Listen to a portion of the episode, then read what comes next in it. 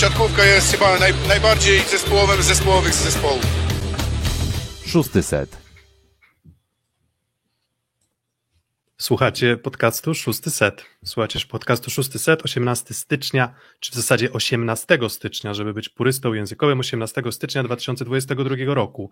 Um, mamy jaki dzień tygodnia? Mamy wtorek, jeżeli dobrze pamiętam, tak? A, no i właśnie wtorek, ten, dokładnie. Tak, i właśnie w ten wtorek, w którym równolegle toczy się mecz PGS Krybełchatów z, z Burgasem w ramach Pucharu CEF.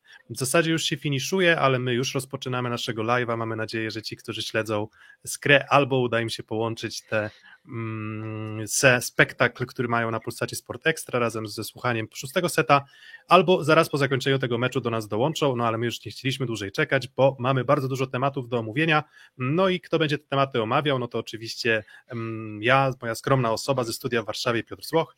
Ze studia w Rzeszowie, Filip Korfanty, cześć. I nieobecny do dzień temu Kuba Lewandowski.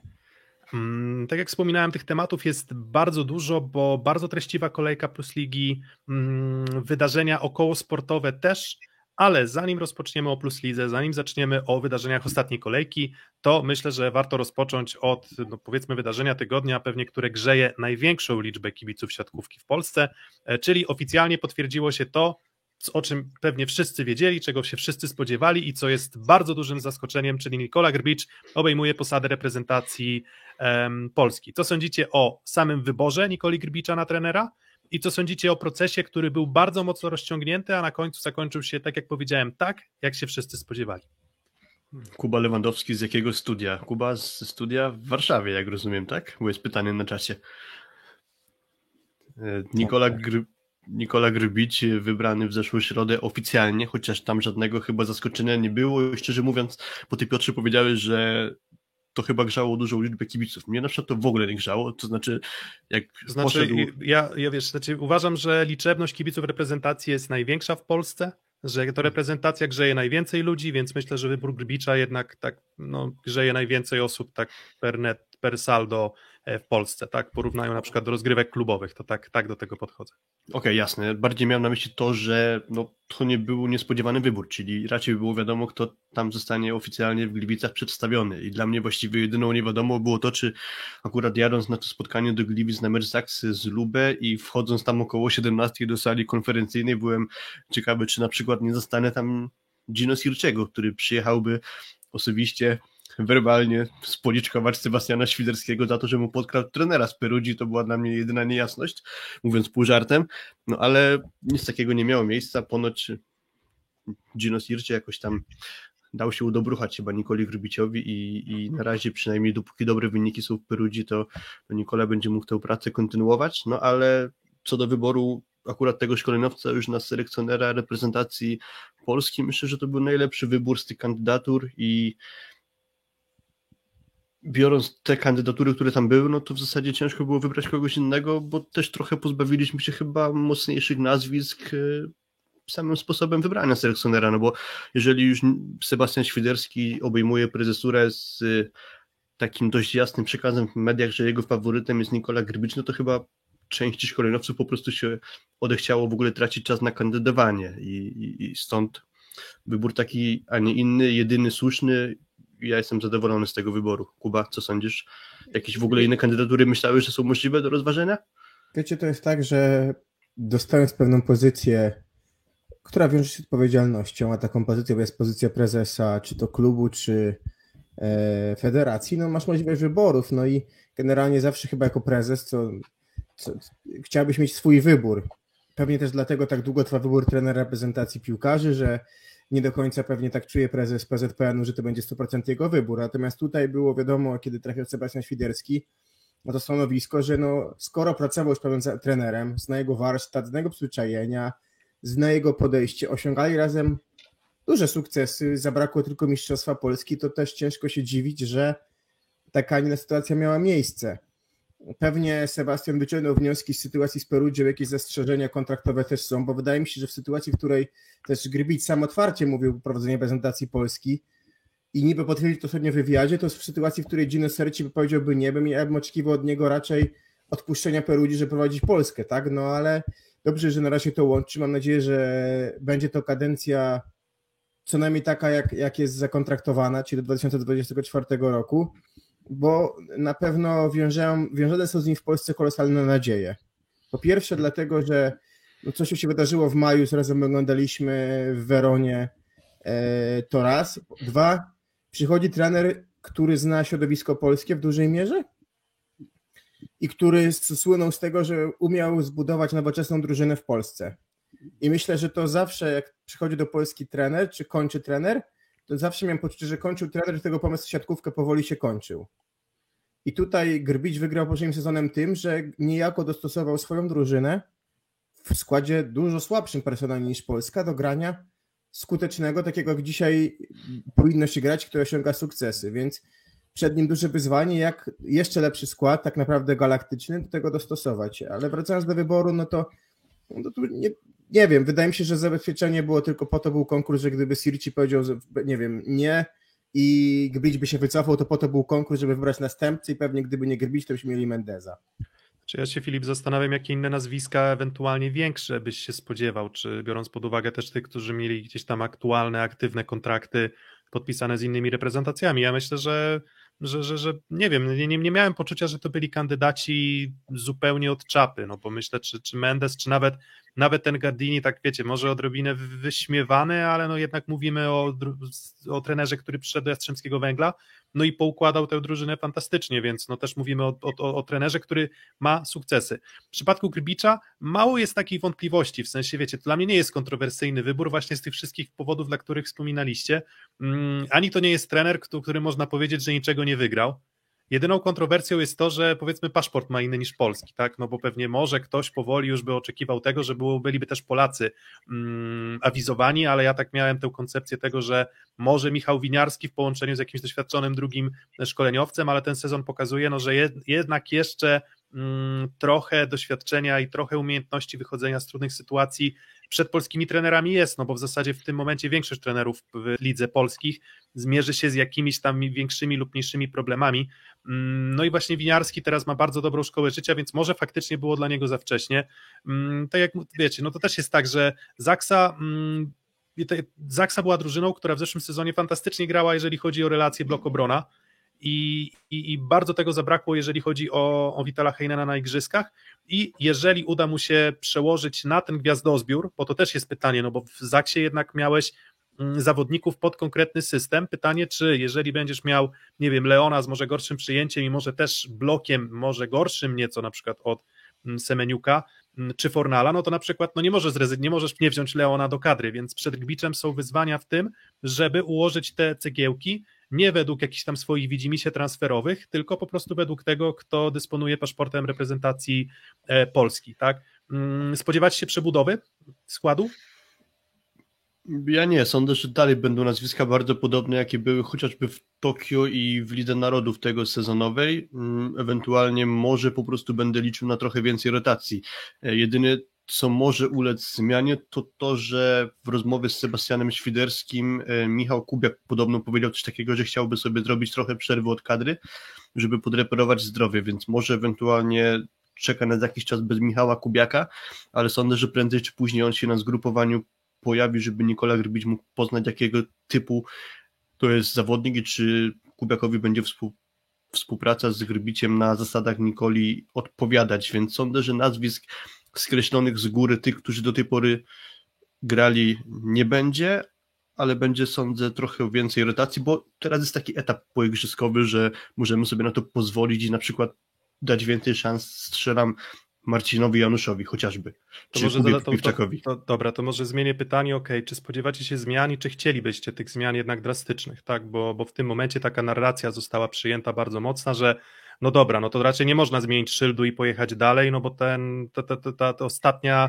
ostatnie miesiące mm, podróży z Witalem Heinerem, no specjalnie zadowalające, skuteczne, fajne po prostu nie były.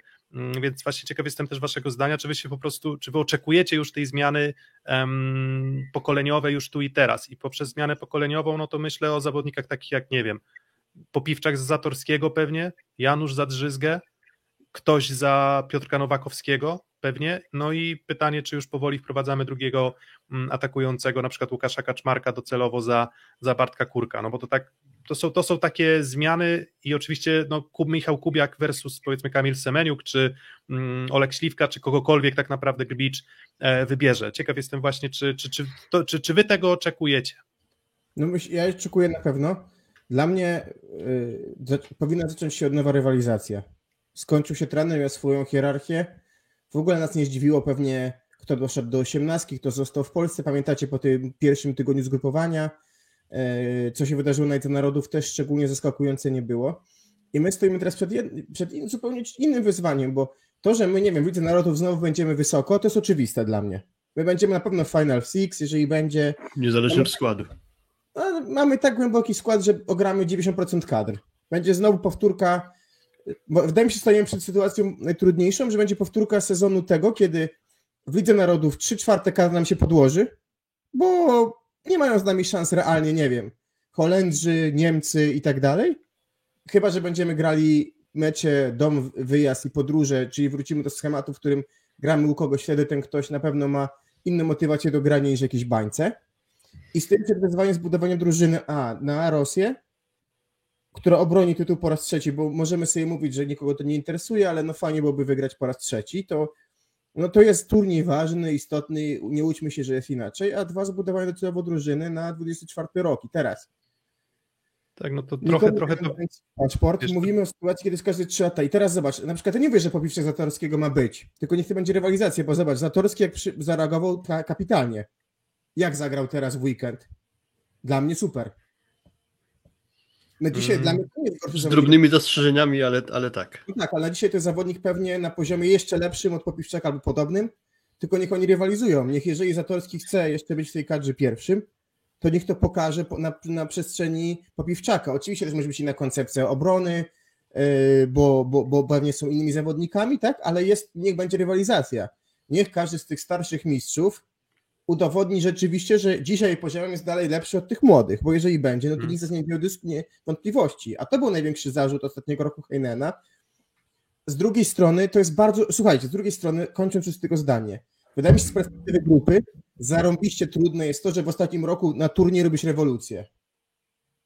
Bo masz pewną hierarchię grupy, żyjesz w, w, w pewnej symbiozie i nagle ty masz to wszystko rozwalić w ostatnim roku, to też jest moim zdaniem ryzyko, bo zwróćcie uwagę, że Francuzi przecież nie byli nowym zespołem. Okej, może zaczął grać więcej Patry niż Boye, może przed Clevenoza Tiliego, ale mówimy dalej o, o podobnej grupie zawodników. Okej, pozba- wyrzucili z kadry e, Boye? środkowego. Znaczy, E, ale boję to na Euro i na Ligę Narodów, Mówię na był. było w kadrze No, no Le, Le, Leroux. co, Le, Leroux, Leroux, tak. tak, a reszta, reszta była, tak? Więc wydaje mi się, że albo dzisiaj, czy w tym 22 roku, albo 23 zbudujemy coś po 24 rok, bo nie wierzę w zbudowanie czegoś na 24 rok w 24 roku.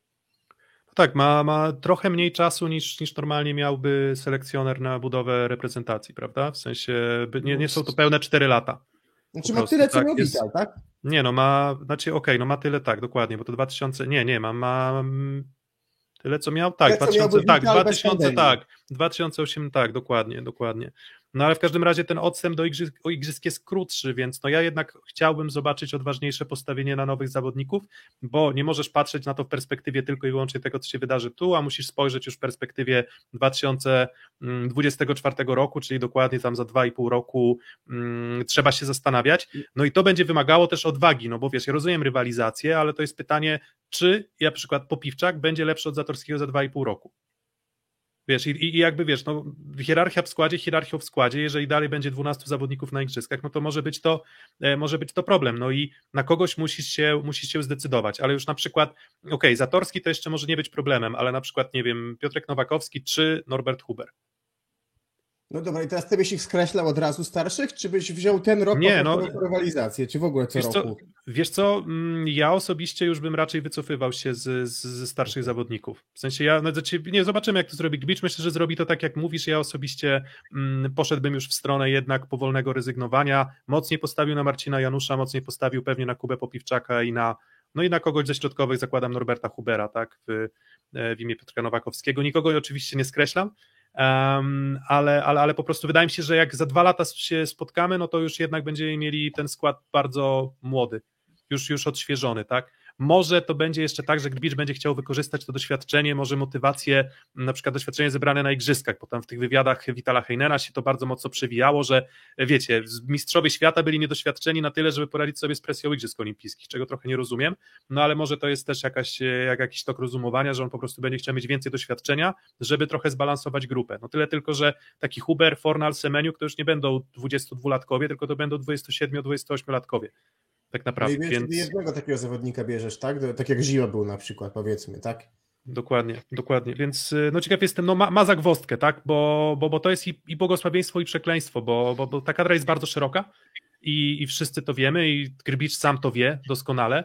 I, I, bardzo jestem ciekaw też, czy, czy on będzie kontynuował ten poziom rotacji, bo raczej kojarzymy go z takiego przywiązania do w miarę sztywnej siódemki, w saksie przynajmniej, tak?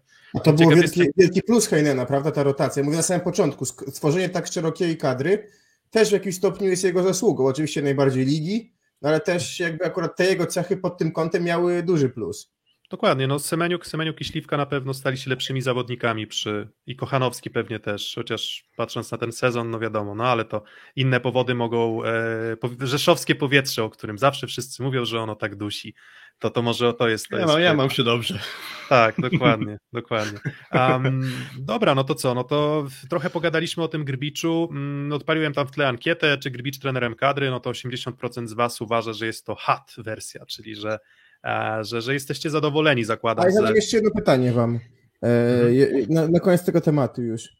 Doświadczenia z kadrą Serbii jego, to jest plus, minus, e, właśnie czy w kontekście e, specyficznego sposobu prowadzenia grupy na długim przestrzeni czasu ze sobą non-stop, bo to jest chyba coś, o czym my rozróżnić musimy klub, a reprezentację. W klubie chłopaki przyjeżdżają rano, jadą do rodzin na obiad, wracają, no wiesz co chodzi, nie jesteś cały czas ze sobą. Tutaj będzie ze sobą 4 miesiące. Mhm. I czy pewne cechy tu też nie są potrzebne, które, które, których z Grycia z tej strony na przykład nie znamy, tak? Czyli trochę e, tak, oczywiście, że to było więcej, ale czy, czy, czy, czy to nie jest pewne ryzyko, że tutaj na kadrze Serbii trochę się właśnie sparzył tym graniem jedną siódemką i czy wyciągnął z tego wnioski? Grybić idzie trochę drogą Ferdinando de Giorgiego, czyli też do kadry Polski drzwi otworzyła mu dobra praca w Zachsie Kędzierzyn Koźle. E, ja w ogóle jeszcze miałem tak, że gdy Grybić był zatrudniany w Zachsie, to po jego doświadczeniach właśnie w pracy z kadrą Serbii i w pracy z Werony, ja nie miałem przekonania, że on odniesie takie sukcesy i, i takie wyniki będzie robił z Zaksą. Natomiast to, co zrobił z Zaksą, mnie przekonuje do tego, że to jest szkoleniowy wysokiej klasy i warto dać mu szansę na niego postawić od a tu takiego już nie ma sensu się dalej rozwodzić.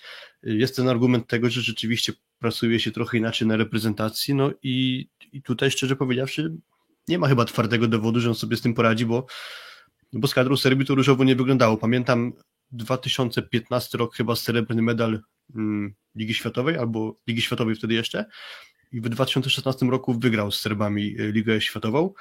Tylko, że wiemy, nie? możemy mówić o tym, że to był sezon olimpijski wtedy, więc y, część tych reprezentacji, które jechały na Igrzyska, mogły sobie tę Ligę Światową odpuścić. E, potem jeszcze był brązowy medal Mistrzostw Europy chyba w 2017 roku, zdaje się. No ale na przykład w 2019 roku nie awansował do Igrzysk w Tokio, został zwolniony, a mm, Slobodan Kowacz, który chyba 40 niespełna dni później przejął, znaczy inaczej, przejął kadrę Serbii, niespełna 40 dni później chyba wygrał z nimi Mistrzostwo Europy. E, więc jakby ten potencjał kadrowy do, do dobrych wyników na pewno w Serbii był, a Nikoli Grubiciowi jakoś szczególnie pomyślnie się nie wiodło, także no, jest, jeśli znaczy, chodzi o samą tak, reprezentację, tak. to twardych dowodów, że on jest odpowiednim człowiekiem do trenowania reprezentacji nie ma, aczkolwiek ja jakichś większych Mm, obaw tutaj nie mam, bo, znaczy, bo jednak mówię, George weź... to nie jest ta sama postać, których robić. Już Piotrze może mówić, przepraszam. Tak, wiesz co, nie, no po prostu weźmy poprawkę też na to, że mm, no, czasy się mm, zmieniają i z każdym rokiem doświadczenia, jak jesteś innym trenerem, wyciągasz wnioski, no gdzieś ten może nie do końca udany pobyt w Perugii, może ten nie do, nie do końca udany pobyt w Serbii sprawiają, że no, stał się lepszym trenerem, który potrafił Zaksę zbudować tak, jak zbudował. I ja tutaj na przykład mówienie o tym, że o właśnie z tej komentarz, że ja myślę, że on wyciągnął wnioski i tak samo ja się zupełnie nie zgodzę, że Zaksa była samograjem, bo jakim była samograjem? Nie, W absolutnie. sensie, nie. w sensie, w sensie no inaczej, może była samogra, samograjem na poziom mm, plus ligi.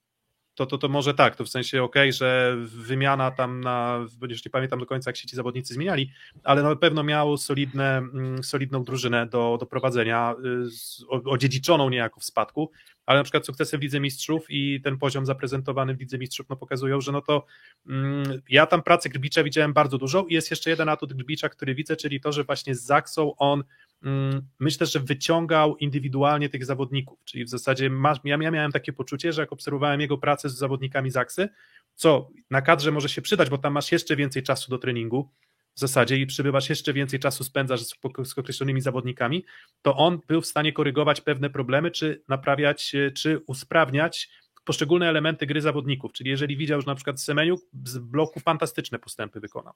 W ogóle w każdym elemencie, ale na przykład blok. Olek Śliwka to samo, tak? Ja raczej nie kojarzyłem go z blokiem. Zagrywka, Olek Śliwka potrafi teraz zagrać 2, 3, 4 asy z rzędu, a to się zaczęło w poprzednim sezonie, tak? Z, mm, z, z Grbiczem, tak? Więc ta zmienność zagrywki, mm, wachlarz rozwiązań to jest wszystko to, co on indywidualnie potrafi zbudować z zawodnikami i myślę, że taki, taki trener się przyda i taki trener też trochę może zwiastuje ten, tę chęć pracy z zawodnikami, może młodszymi, takimi, którzy jeszcze mają przestrzeń do rozwoju, ale to wiecie, to może być tylko i wyłącznie moje gdybanie. Jest jakiś sztab już wiadomo, czy nie? Nie. Hmm, Ja jedynie co słyszałem jego wypowiedź, to że 90%, ewentualnie jedna osoba będzie z zagranicy, reszta sztabu to będą Polacy. Tak powiedział Nikola Grbicz. Okej, em, no dobra, no to co, no to 20, 20 te kilka minut poświęcone na Nikolę Grbicza, myślę, że to jest em, z, po owocach go poznacie. Mm, Jak to, jak, to, jak to zazwyczaj będzie w przypadku trenerów. Tak? Dobry trener to jest taki, który wygrywa w, w ocenie większości, więc jeżeli będzie wygrywał, to wszyscy będziemy bić brawo. Jak nie będzie wygrywać, tak, no mo- to, a musi wygrywać. W sensie on musi wygrywać. Tutaj nie ma, nie ma przestrzeni do, do, do licznych porażek. Nawiązując tylko na koniec, tak żartem rzecz, nawiązując do pogłosek, jeżeli się sprawdzi w roli trenera bramkarzy drugiego Jerzy Dudek na kadrze, to może zaprosimy go na trenera Libero. A, to jednak Dudek na mundial może pojechać, tak? No jest. Dobra, e, dobra, przechodzimy do wydarzeń plusligowych. Szósty set. Mm, No i chyba zanim przejdziemy do omówienia tak naprawdę wydarzeń czysto boiskowych, to no, trzeba wspomnieć o czwartym zwolnionym trenerze w Plus Lidze. Mm, Andrzej Kowal mm, podał się do dymisji, ta dymisja została przyjęta przez zarząd Ślepska Malow Suwałki, Dominik Kwapisiewicz mm, w tym sezonie team manager e, grupy Azoty Zaksy Kędzierzyn-Koźle wraca na ławkę trenerską, wraca na posadę pierwszego i to jest chyba pierwszy moment od awansu do Plus Ligi, w którym Dominik Kwapisiewicz obejmuje rolę mm, pierwszego trenera, tak? To jest, on miał tam przerwę chyba pięciu sezonów, bo był Czy za nimi w pier- Oprócz pierwszym tego momentu, gdzie Tak. zwolniony został Lebiediew i dokończył sezon w Zawierciu jako pierwszy szkoleniowiec. To jak już zabrałem głos, to tylko doprecyzuję, że poprowadził Zawierciu wtedy w pięciu spotkaniach, wygrał dwa, przegrał trzy i sezon został przerwany przez epidemię. Myślę, że gdyby on wygrał 40% spotkań, które ma ze Ślepskim Malow Suwałki do końca sezonu, to, to byłby to niezły wynik, tak? To, to jak mówisz o tej proporcji, dwie wygrane, trzy porażki. Mm, No i może najpierw ten, ten Andrzej Kowal, no bo to decyzja no, kontrowersyjna, zależy jak na to spojrzeć. Jeżeli spojrzymy tylko i wyłącznie na pozycję w tabeli, no to tutaj kontrowersji nie ma żadnych, bo to była drużyna, którą, która w zeszłym sezonie walczyła o ósemkę, czy w zasadzie by, była siódma w tabeli, więc nawet nie tyle walczyła o ósemkę, co weszła do tej ósemki, jeszcze ograła Luron CMC warte zawiercie w mm, ostatnich meczach e, sezonu, Mm, więc i z niewielkimi zmianami ta drużyna, no ale jednak z no, nietrafioną, nietrafionym chyba zestawieniem przyjęcia. No i właśnie jak wy się zapatrujecie i też oczywiście pytanie zaraz zada- zadam też na czacie, ale znaczy zadam na to pytanie w ankiecie, ale też jestem ciekaw takich waszych wypowiedzi głębszych na czacie, jak oceniacie tę zmianę, bo, bo, bo ja jak tak oceniam to na spokojnie, no to mimo wszystko mam wrażenie, że Andrzej Kowal zasłużył na jakiś tam margines i na zaufanie ze strony władz dzięki tym dobrym wynikom z poprzednich sezonów.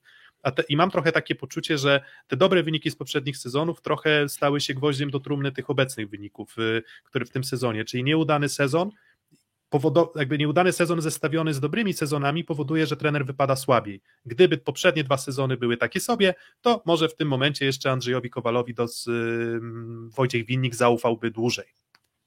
Moje zdanie jest takie, że jego całokształt pracy należałoby ocenić pozytywnie, właśnie biorąc pod uwagę, że objął Beniaminka, zajął tam dziewiąte miejsce w pierwszym sezonie, e, drugie, drugi sezon to jest to siódme miejsce, gdzie ten skład nie był może aż tak oczywisty, że z nim da się zrobić taki wynik. I, i w związku z tym e, chyba jako całokształt oceniłbym to pozytywnie, natomiast cała ta historia tego sezonu to dla mnie był już taki moment, gdzie tego zaufania dostał sporo, bo Suwałki od dawna grają źle, poniżej możliwości tego zespołu chyba.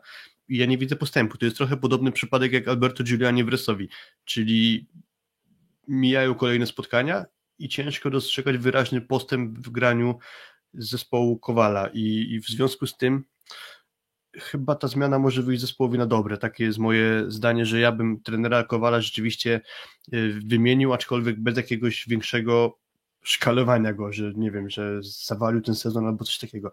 Y, trochę padł ofiarą sezonu transferowego moim zdaniem, znaczy, albo sam sobie trochę to sprawił, bo jak popatrzymy na skład Suwałk i na to, jakie tam się twarze pojawiły, to w zasadzie o każdym graczu można powiedzieć, że to jest nietrafiony transfer, bo czy Łukasik i Halaba, którzy grali najwięcej e, z tych nowych nabytków, spełniają swoje zadanie, czy jakieś tam nadzieje? Przypuszczam, że nie. Tak samo Kuba Ziobrowski, tak samo nie. Smoliński gra mniej niż Sapiński i, i Dakwam. Mm, Makowski tak samo. Więc Mhm. wszystkie transfery, jakie przeprowadziły Suwałki, Nie no, zdaniem- Buchowski gra przyzwoicie, no Buchowski, Buchowski, gra tak. w miarę, więc, ale to jest, to jest jedyny przykład. mhm. no tak, no o Buchowskim nie, zgoda. nie zdążyłem jeszcze po, powiedzieć, ale, ale A, okej.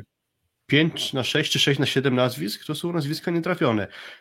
I pytanie teraz, kto ten skład budował, bo, bo zawsze można teraz powiedzieć, no taki sobie skład Kowal zbudował, no to teraz zbiera tego owoce niezbyt dojrzałe albo trochę nie nadające się do jedzenia, tak to można powiedzieć. No tylko z tego, co gdzieś można usłyszeć, to podobno skład trochę chciał inny trener Kowal, a wyszło inaczej. Na przykład z tego, co gdzieś tam zasłyszałem, może nie ma co tego brać jako pewnik, ale może warto się zastanowić, czy przypadkiem tak nie było, jeżeli ktoś by chciał szkalować trenera Kowala.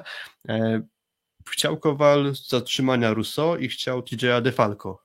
Zamiast Rousseau dostał e, Piotra Łukasika i zamiast TJ'a dostał mm, Pawła Halabę. Przypuszczam, że gdyby to był Rousseau i Defalco, to Suwałki dzisiaj byśmy widzieli w zupełnie innym miejscu e, tabeli.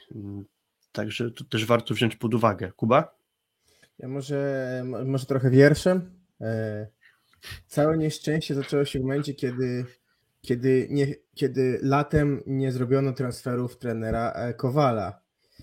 E, Takiego czegoś nie było i trener Kowal kontynuował związek, który chyba się już wypalił, gdzieś to małżeństwo trwało nie z rozsądku, a z musu. Im gorzej, im dłużej, tym gorzej, im dalej, tym gorzej. E, Zaczęło się tak naprawdę od początku sezonu, po którym mówiliśmy, Okej, fajnie. Pierwszy mecz, prawda, mówiliśmy, no podobają nam się zawodnicy, jest ta siła, że była siłownia grana, tak fan, Bołądź, yy, Tak, że nie, nie chcesz, nie, nie chciałbyś ich spotkać w jakiś tam, Tak wiesz, jest. ciemnej, ciemnym zaułku tak kamienicy. jest, tak jest, ale to szybko, szybko zaczęto wyłapywać jakby ich problemy, tak, czyli Łukasika w przyjęciu, znaczy inaczej, wszystko to, co myśmy o nich wiedzieli, prawda, natomiast no wydaje się, że że chyba chciano, chciano zakli, zakli, że tak powiem, zaklinać tą rzeczywistość, no bo wiesz, pierwsze dwie kolejki, trzy punkty, dobre dwa pierwsze mecze, nie, niewielka porażka z zawierciem, potem nie pamiętam kogo grali, chyba chyba yy, Suwałki wygrały trzy mecze. Nysa, yy, Trefl i w drugiej i- kolejce właśnie z kim? i druga kolejka to była wygrana Z Lublinem. Z Lublinem, dokładnie. o. Tak. I to taka, i to Dokładnie. taka bardzo gładka. Bardzo, Tak. bardzo, bardzo gładka to była. Tam, no tak myślę, małych punktów paręnaście do przodu było, więc. A teraz było, zaczęliśmy od tego, że przegrali 3 do 1 zawierciem, gdzie jakby Urosz ich trochę e, zniszczył, potem właśnie ta wygrana z Lublinem i potem mecz z Olsztynem, taki break dla Olsztyna, 3 do 0, ale pamiętasz... Ale, ale też, też równy, równe też, też równy, równy fajny mecz. No. No dokładnie, Tak, tak, zaczęło tak. się od tego, już kończąc, już nie, nie będę cytował Pakowskiego i pożegnania z Afryką, ale generalnie chodzi o to, że ten związek był z musu, a nie, z, przy, a nie z przyjemności. Widać było to, że się obie strony już męczą. Mało jest pasji w tej drużynie. Poza tak famą nikt się nie wyróżnia jakoś wyraźnie. Nie było nikogo, z, w, naszym zdaniem, w, w wyborach naszych zawodników rundy. Drużyna, która w ogóle nie blokuje, drużyna, która bardzo przeciętnie przyjmuje. Piotrek, ty pisałeś, tak? Drużyna, która Tak, bardzo i słabo, atakuje, słabo, słabo, zagrywa. Bardzo słabo, tak, bardzo słabo, bardzo słabo zagrywają. Chyba najniższy suwałki. procent asów serwisowych w całej ligi mają suwałki. Tak, ale to też wiesz, ale tam asy asami, ale po prostu no, większość zagrywek jest przyjm- przyjmowanych pozytywnie, w sensie, No że rywale, rywale najczęściej przyjmują pozytywnie, więc Na tej Mm, twojej y, wykresie oni nie są jakoś bardzo tutaj? wiesz co, no oni są, miejscu? wiesz co, oni ten, oni w, wiesz, no w ofensywie jest Bołądź i są środkowi. W zasadzie jedynym elementem, z których, za który ja bym wyróżnił Ślepsk, to bym powiedział, ok, współpraca Tułanigi z Takwamem i z Sapińskim, która potrafi wyglądać fantastycznie, no i Takwam, który na bardzo dużej swobodzie potrafi mm, atakować i kończyć te piłki, no jest też jednym z najskuteczniejszych środkowych ligi, zresztą myślę, że Czarek Sapiński też, mm, też bardzo, bardzo nie odstaje akurat w tym, w tym elemencie, ale w zasadzie wszystko inne leży, no i tak przechodząc już płynnie do następcy, no to wskazujemy problemy, no i właśnie Dominik Kwapisiewicz, macie wrażenie, że to jest trener, który mm, w sensie, gdybyście mieli się zastanowić nad jego atutami warsztatowymi na podstawie obserwacji, to jakie by były? E, Bo ja mam takie poczucie, że gdzieś ta, ta posada drugiego trenera jednak jest taką posadą w dużej mierze trochę organizacyjną, trochę motywacyjną i trochę takiego Dominika Kwapisiewicza się spodziewam w Suwałkach, czyli on ma przewietrzyć bardzo szatnie i on ma wlać jeszcze energię i nadzieję w, mm, w ten konkretny skład, bo może to były problemy sportowe, bo wiecie, w siatkówce jest tak, że jeżeli masz problemy sportowe, to wydaje ci się, że drużyna nie walczy. I, I ciekaw jestem, czy to bardziej była jednak kwestia faktycznie jakiegoś takiego braku zaangażowania, bo, bo, bo mowa ciała moim zdaniem na przykład Tuanigi jest bardzo zniechęcona i to mam wrażenie, że już od kilku spotkań. No i ciekaw jestem, jak Dominik Kwapisiewicz sobie z tym poradzi i wydaje mi się, że jakby taka idea przyświecała prezesowi Winnikowi, czyli właśnie, mm, właśnie trochę, trochę odświeżenie nastrojów, w drużynie, które na tle takiego Andrzeja Kowala, którego ja raczej uważam za takiego technokratę trochę siatkarskiego. W sensie, że, że, że trochę ostrego, trochę chłodnego. Mm, a Dominik Kwapisiewicz to jest pozytywna energia i to jest takie, nie wiem, myślę, że ciepło w relacjach międzyludzkich i zobaczymy, czy, mm, czy, czy to przyniesie jakiś skutek w suwałkach. Mniej liczb, może trochę mniej analizy statystycznej, może więcej trochę ognia i zagrzewania do walki. Wczoraj jak ogłoszono Dominika Kwapisiewicza trenerem, to zacząłem myśleć, za co mógłbym tego trenera wyróżnić, no bo jak wiemy, on na płaszczyźnie plus ligi za wiele okazji do pokazania się w roli pierwszego trenera nie ma, więc też ciężko jakoś go oceniać, ale trochę dało się go poznać chociażby po wypowiedziach, po jego sposobie mm, bycia ogólnie w zespole, to też widać w transmisjach. I ja pomyślałem, że to jest facet, którego trudno nie lubić. I jakby na uzupełnienie tego mojego przemyślenia, dzisiaj słuchałem wywiadu z Wojciechem Winnikiem, prezesem klubu w radiu, Polskim Radiu Białystok. I on powiedział, że jednym z czynników, które decydowały o tym, że zdecydowano się właśnie na Kwapisiewicza jest to, że po pierwsze był mm, możliwy jego szybki przyjazd, czyli Polak, a nie na przykład Raul Lozano pewnie z Argentyny, a trzeba było trochę przyspieszyć całe te przypuszczalnie transakcje, wymiany trenera, a druga sprawa to atutem Kwapisiewicza trener Winnik wskazał, że jest komunikatywność i umiejętność zjednywania sobie ludzi. I przypuszczalnie Mhm. właśnie to powinno rzeczywiście tutaj przyświecać y, tej zmianie, bo, bo o ile właśnie na pewno trenera Kowala można za analityczny umysł i umiejętności y, pochwalić, to może właśnie przy zdołowanym, z- zepsutym tak morale było w zespołem, to się- trzeba właśnie popracować nad mentalnością być może. Trochę tak nie było, jak Lebedew odchodził ten sezon zawiercia przed, przed COVID-em, gdzie trochę były puchary, trochę nie, taki mę- zmęczony i on też wszedł i, i inna była energia zupełnie w drużynie i zresztą te, te 40% punktów, czyli dwie z pięciu wygranych wtedy, to wydaje mi się w tamtym sezonie na tamto zawiercie trochę dziwnie budowane i, zmęczone sobą też wyglądało całkiem przyzwoicie, tak? I wydaje mi się, że Mhm. No tutaj pewnie, co, spokój w utrzymaniu, no bo co, mamy cztery punkty nad, y, nad, y, nad Nysą, jeden mecz więcej, e, y, jeden mecz mniej rozegrany, plus trzy do Gdańska straty, tak, no myślę, że tutaj już nie ma żadnej walki o play-offy, to jest po prostu 9 spotkań, przepraszam, 11 spotkań, które trzeba rzetelnie pewnie trzy wygrać, żeby to utrzymanie sobie zapewnić, tak? No Czy bo konkretnie- też mówię, mi się wydaje, że te baraże to będzie mordęga. Przecież sami to wiemy, tak? Dwa miesiące oczekiwania bez obcokrajowców. Nikt tego nie chce. To jest jakby no, no zgniłe jabłuszko. Mm, Analizowałem sobie sytuację. Kukułcze jajo. Analizowałem sobie konkretnie sytuację właśnie suwałk e, terminarzowo, czyli jaki początek czeka trenera Kwapisiewicza. Mm, Kuprum Lubin, Cyradena, Czarni Radom i Stalnysa. To jest, mi się wydaje, bardzo łagodny rozbieg, tak można powiedzieć, i, i potencjał na zdobywanie jakichś punktów, taki względnie prosty. Nie mówię, No że i teraz łatwy. do popracowania tydzień, prawda? Bo nie grają jutro, bo przegrali. Tak, ten, to odpadnięcie zawił Świdnik może wyszło na dobre zespołowi z Suwałk, bo, bo Protest się nie udał też. tak, tak, tak, tak. Nie, no tak, oczywiście, wiecie, to jest taka misterna konstrukcja, że wiecie, że tam winnik, winnik powiedział Kowalowi, połóż mecz, bo tam, wiesz, przyjdzie Domino Kwapisiewicz i będzie mógł naprawiać Wiesz, wtedy przez tydzień. wie- Nie, Wiesz, no, Andrzeju Kowalu, dłużej, dłużej klasztora niż przeora, odpadnie z tymi, z tymi tam, tam awił świdnik, bo Co bo może tam, pójść, co może pójść nie tak? nie, potrzebny ten Puchar Polski byłby teraz suwałką jak rybie ręcznik. E, idąc dalej, mamy potem jeszcze dwa mecze z GKS-em Katowice i Treplem Gdańsk. Mówię o takich meczach, gdzie widzę, że są największe szanse na zdobycze punktowe.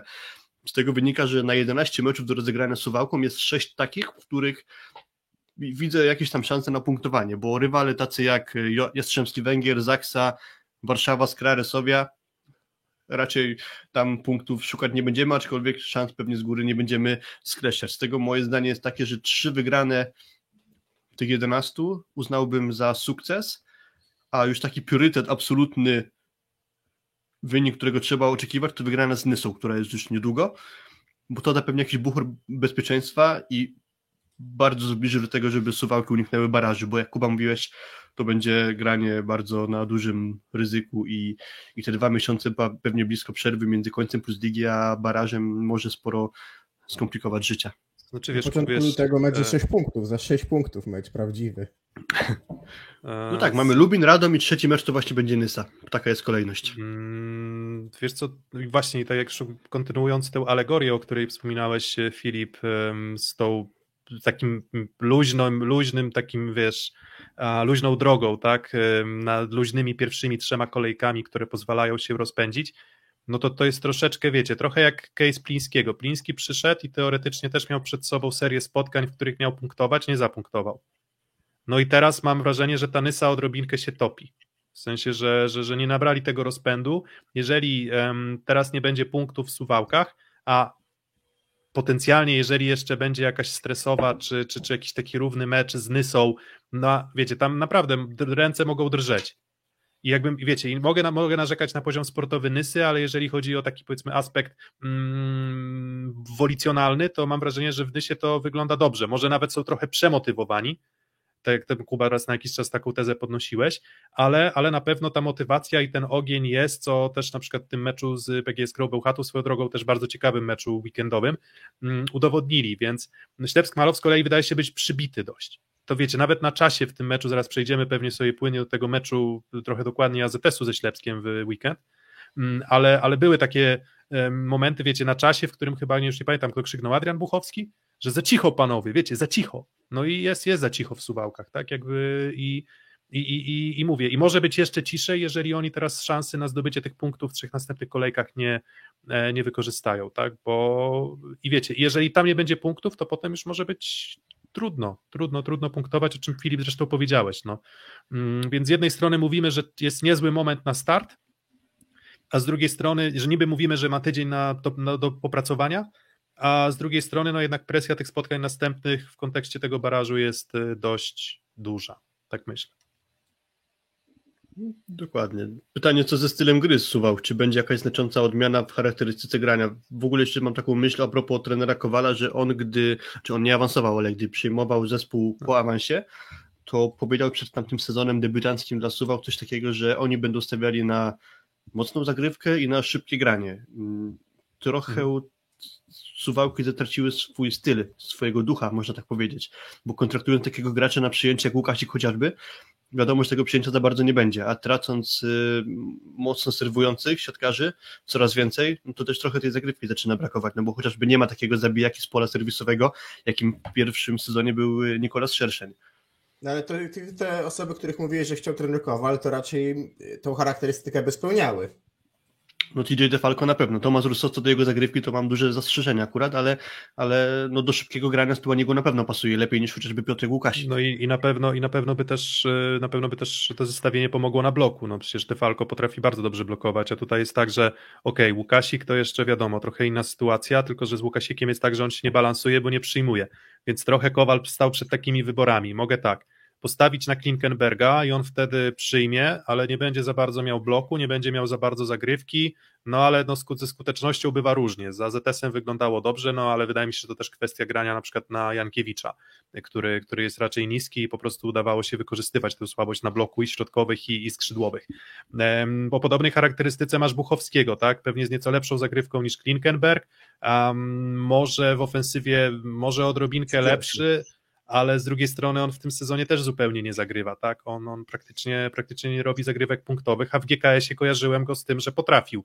Potrafił pójść na zagrywkę i potrafił raz na jakiś czas mm, powtarzalnie, e, powtarzalnie serwować. Dalej masz Halabę, z którym w zasadzie mm, Zagrywa tylko. Nie wiesz, nie wiesz, nie masz pojęcia w zasadzie, co Halaba będzie w stanie dobrze zrobić na boisku, bo to jest loteria. On czasem potrafi przyjąć, ale czasem może być tak, że jak z Lublinem idą 4-3, 4-5 flotów w niego i on się kończy na samym początku meczu w zasadzie, tak? To jest, wiesz, błędy, błędy bezpośrednie. W ofensywie, no to trochę taka charakterystyka raczej do grania szybkiego. I więc no, jest wiele problemów i ciekaw jestem właśnie na jaką parę przyjmujących postawi Dominik Kwapisiewicz, bo, bo to co też mówiłem w tym naszym poprzednim odcinku, że Kowal rotuje i nie dość, że przegrywa, to sobie nie buduje żadnej z pary przyjmujących, tak? Nie sprawdza jej na dłuższym dystansie, tylko o, dwa, dwa popsute przyjęcia zmieniamy o tam dwa atak wyrzucony w aut, dwa ataki wyrzucone w aut i zmieniamy, tak? Tej cierpliwości zabrakło, a to nie jest, a to nie jest Resowia, gdzie miał po prostu alternatywy na ławce mocniejsze na pewno. Gdybym miał mu patrzeć na, i doradzać, no to jeżeli bym szukał grania podobnego jak, jak Olsztyn, podobnego jak Olsztyn w tym sezonie, czy bym poszukał dwóch jednak do kończenia i chyba był do szansy Halabie jako drugiemu i Bołądziowi, do, do niego dobrał y, kogoś z Beneluxu, czyli Klinkenberga, i bym chyba szukał podobnego grania, ale nie, no poważnie. No bo tych, myślę, nie, nie, bo mówię, nie, bo mówię z tych, tych, z tych licznych tych, z tych licznych zawodników z Beneluxu w drużynie Ślepska Malow Suwałki tak. może wybrać jednego, prawda? Tak, tak. Nie wiem, szukałbym chyba czegoś takiego w pierwszej chwili, nie wiem, ale ja też nie jestem w drużynie, to taki, taki mój pomysł, który ewidentnie w Olsztynie się sprawdza. No, oczywiście pewnie no, trochę bardziej jakościowych zawodników na wszystkich pozycjach, ale no. Mm, Pytanie, czy no. też nie warto dać szansy na dłuższą metę Klinkenbergowi i Buchowskiemu, bo akurat z tą parą na przyjęciu przeciwko Olsztynowi dali radę zrobić 49% efektywności ataku, mimo że to jacyś e, zawodnicy z przewagą na ofensywę na pewno nie są, a Klinkenberg był chociażby podstawowym graczem Suwałk y, przez większość sezonu w parze z Szerszeniem, więc... Y, Dobra, to może, wiecie co, to może oddzielę dżingielkiem i już zakończymy ten temat Kowala um, i przejdziemy już po prostu do tego Kowala sobie osadzimy w kontekście meczu Indyk Polo, Indyk Polo AZS-u Olsztyn ze Ślepskim Malów Suwałki, no bo ten AZS osłabiony, więc mówię, puszczam dżingla i zaraz jeszcze um, będziemy trochę o tym meczu. Szósty set. No właśnie, no i to, ten mecz, czy ta porażka 3 do 2 chyba przelała czarę goryczy, bo mm, bardzo, bardzo osłabiona była drużyna AZS-u Olsztyn. Mm, Karol Jankiewicz w miejsce Jana Firleja, czyli drugi rozgrywający, który nie miał za dużo okazji do gry w, w tym sezonie. W zeszłym sezonie mm, w zasadzie w tej pierwszej lidze też nie zawsze grywał, więc y, były duże wątpliwości co do jego poziomu gry. Tak samo wypadł Robert Andringa i tutaj Wiktor Janiszewski, czyli tam nominalny czwarty przyjmujący przed sezonem, musiał wejść w rolę. No i wypadł Mateusz Poręba, no i w jego miejsce czwarty środkowy, czyli Dawid Siwczyk. I wydawało się, że jak nie teraz, to kiedy ten Szterz Malów Suwałki wygra?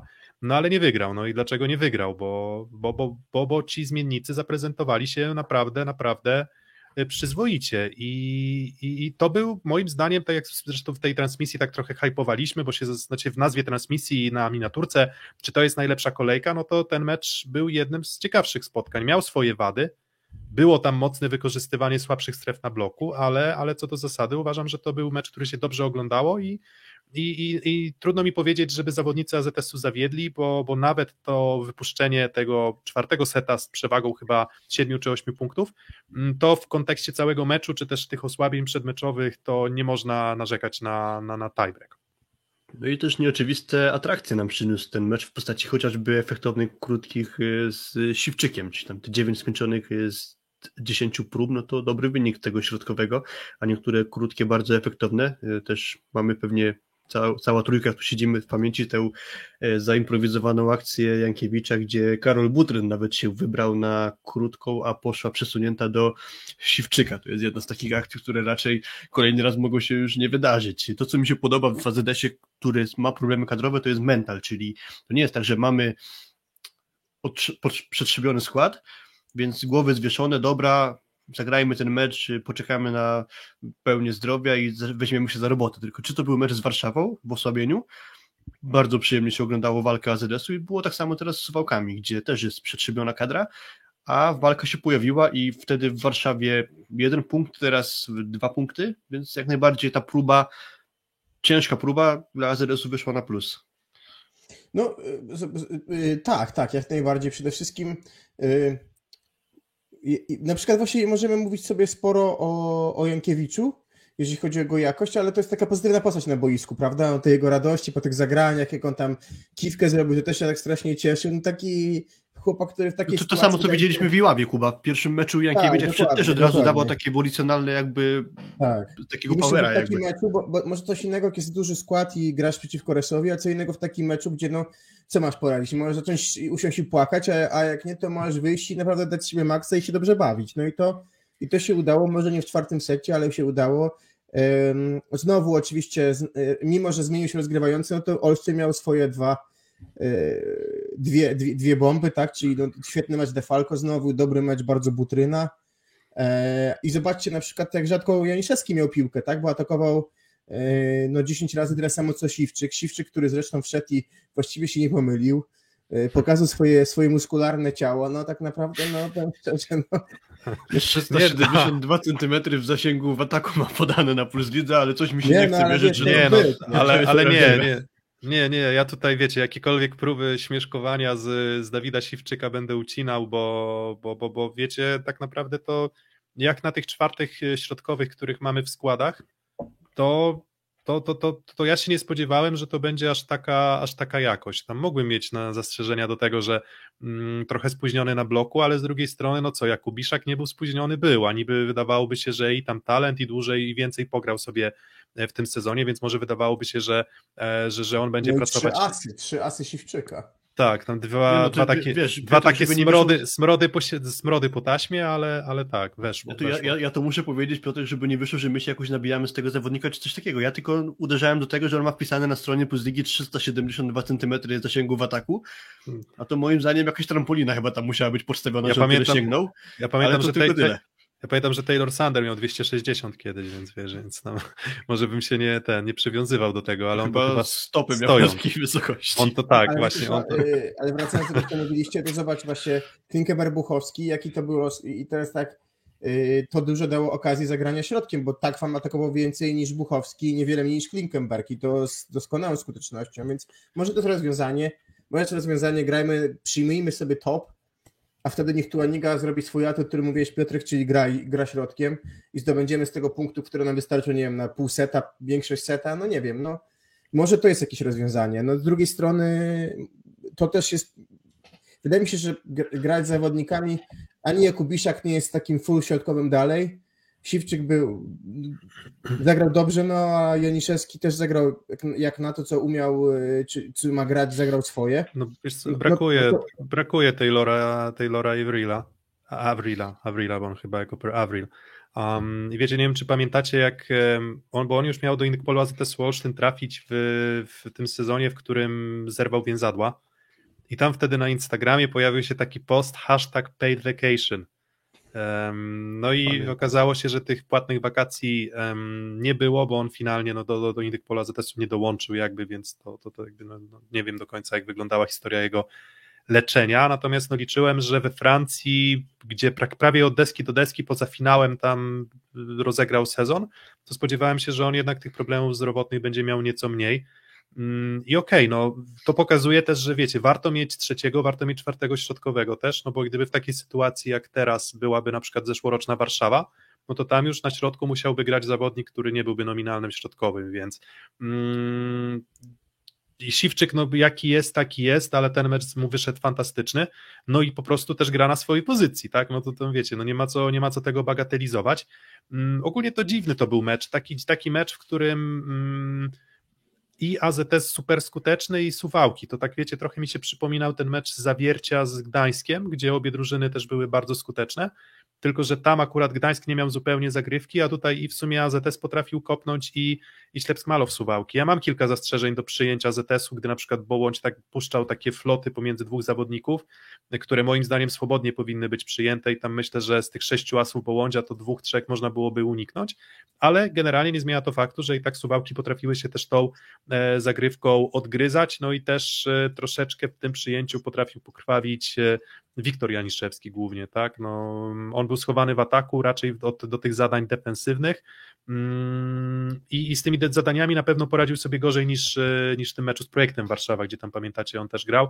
I wydaje mi się, że wtedy to przyjęcie ustabilizował pozytywnie. I nawet biorąc pod uwagę tę mocną zagrywkę z obu stron, no to mm, nie można mieć zastrzeżeń do Jankiewicza, bo no, jakby poprowadził grę w taki sposób, że drużyna była bardzo skuteczna. I i miałem poczucie też, że to były piłki dosyć dokładne, tak, nie miałem takiego poczucia, że wiecie, wchodzi drugi, drugi rozgrywający, jak czasem się śmieje Michajlo Mitic, no i nie wiesz do końca, gdzie ta piłka poleci, tutaj mam wrażenie, że jakoś tam powtarzalność, jeżeli chodzi o dokładność, e, wysokość odbić widziałem, i, i, i, i, ta, ta, ta, i ta atmosfera i te takie, wiecie, sugestywna radość po zdobywanych punktach, myślę, że jego po prostu cieszy gra w barwach Indykpolu AZS-u Olsztyn, wiecie, to jest wychowanek klubu mm, i dla niego to jest myślę jakaś tam forma spełnienia, spełnienia marzeń, a dodatkowo pokazał fajny poziom sportowy, więc mm, świetnie, świetnie jakby, jakby mówię, ja biję, biję brawo i dla mm, i dla Siwczyka, i dla, i dla Jankiewicza, i w sumie dla Janiszewskiego też, bo, bo tam mówię, można narzekać na,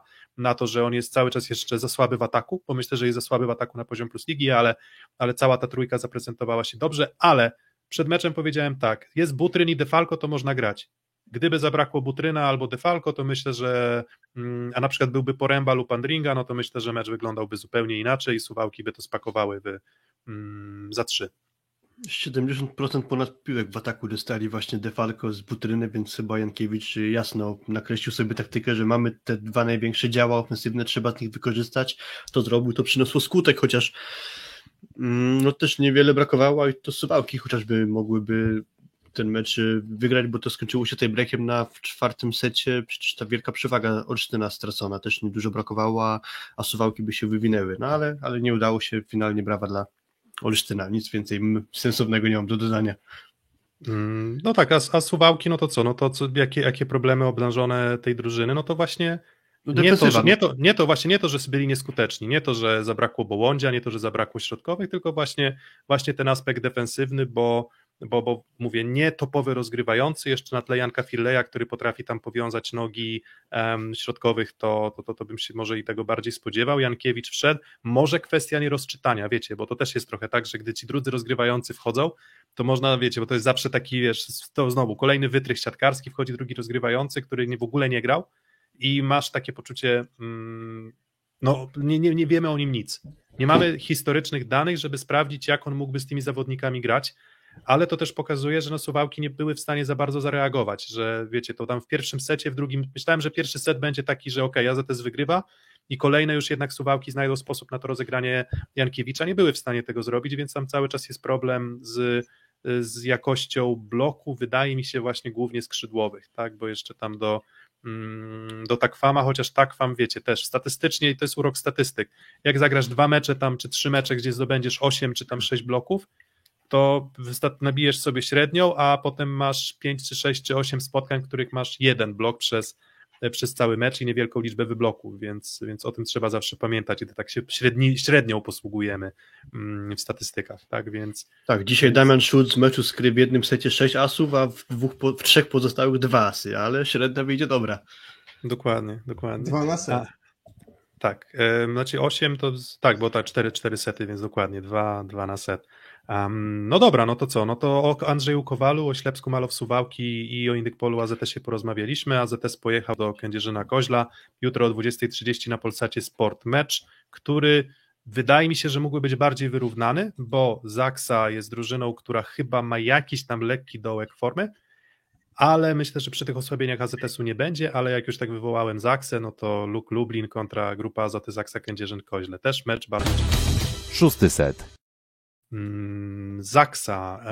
Zaksa wygrywa 3 do 1. Zaksa wygrywa i po meczu, który ja osobiście pomimo nawet tego, że z, z tym Lubę ta, ta, ta Zaksa nie wyglądała jako taki jednolity monolit, to spodziewałem się, że ten mecz jednak będzie zdecydowanie, zdecydowanie łatwiejszy, a on taki łatwy dla, mm, dla Zaksy nie był i bardzo blisko było tego, żeby oni stracili punkty, a Zaksie w tym sezonie urwać punkty w lidze jest bardzo trudno, no bo oni w zasadzie tylko dwa tiebreaki przegrane, więc to byłby trzeci tiebreak.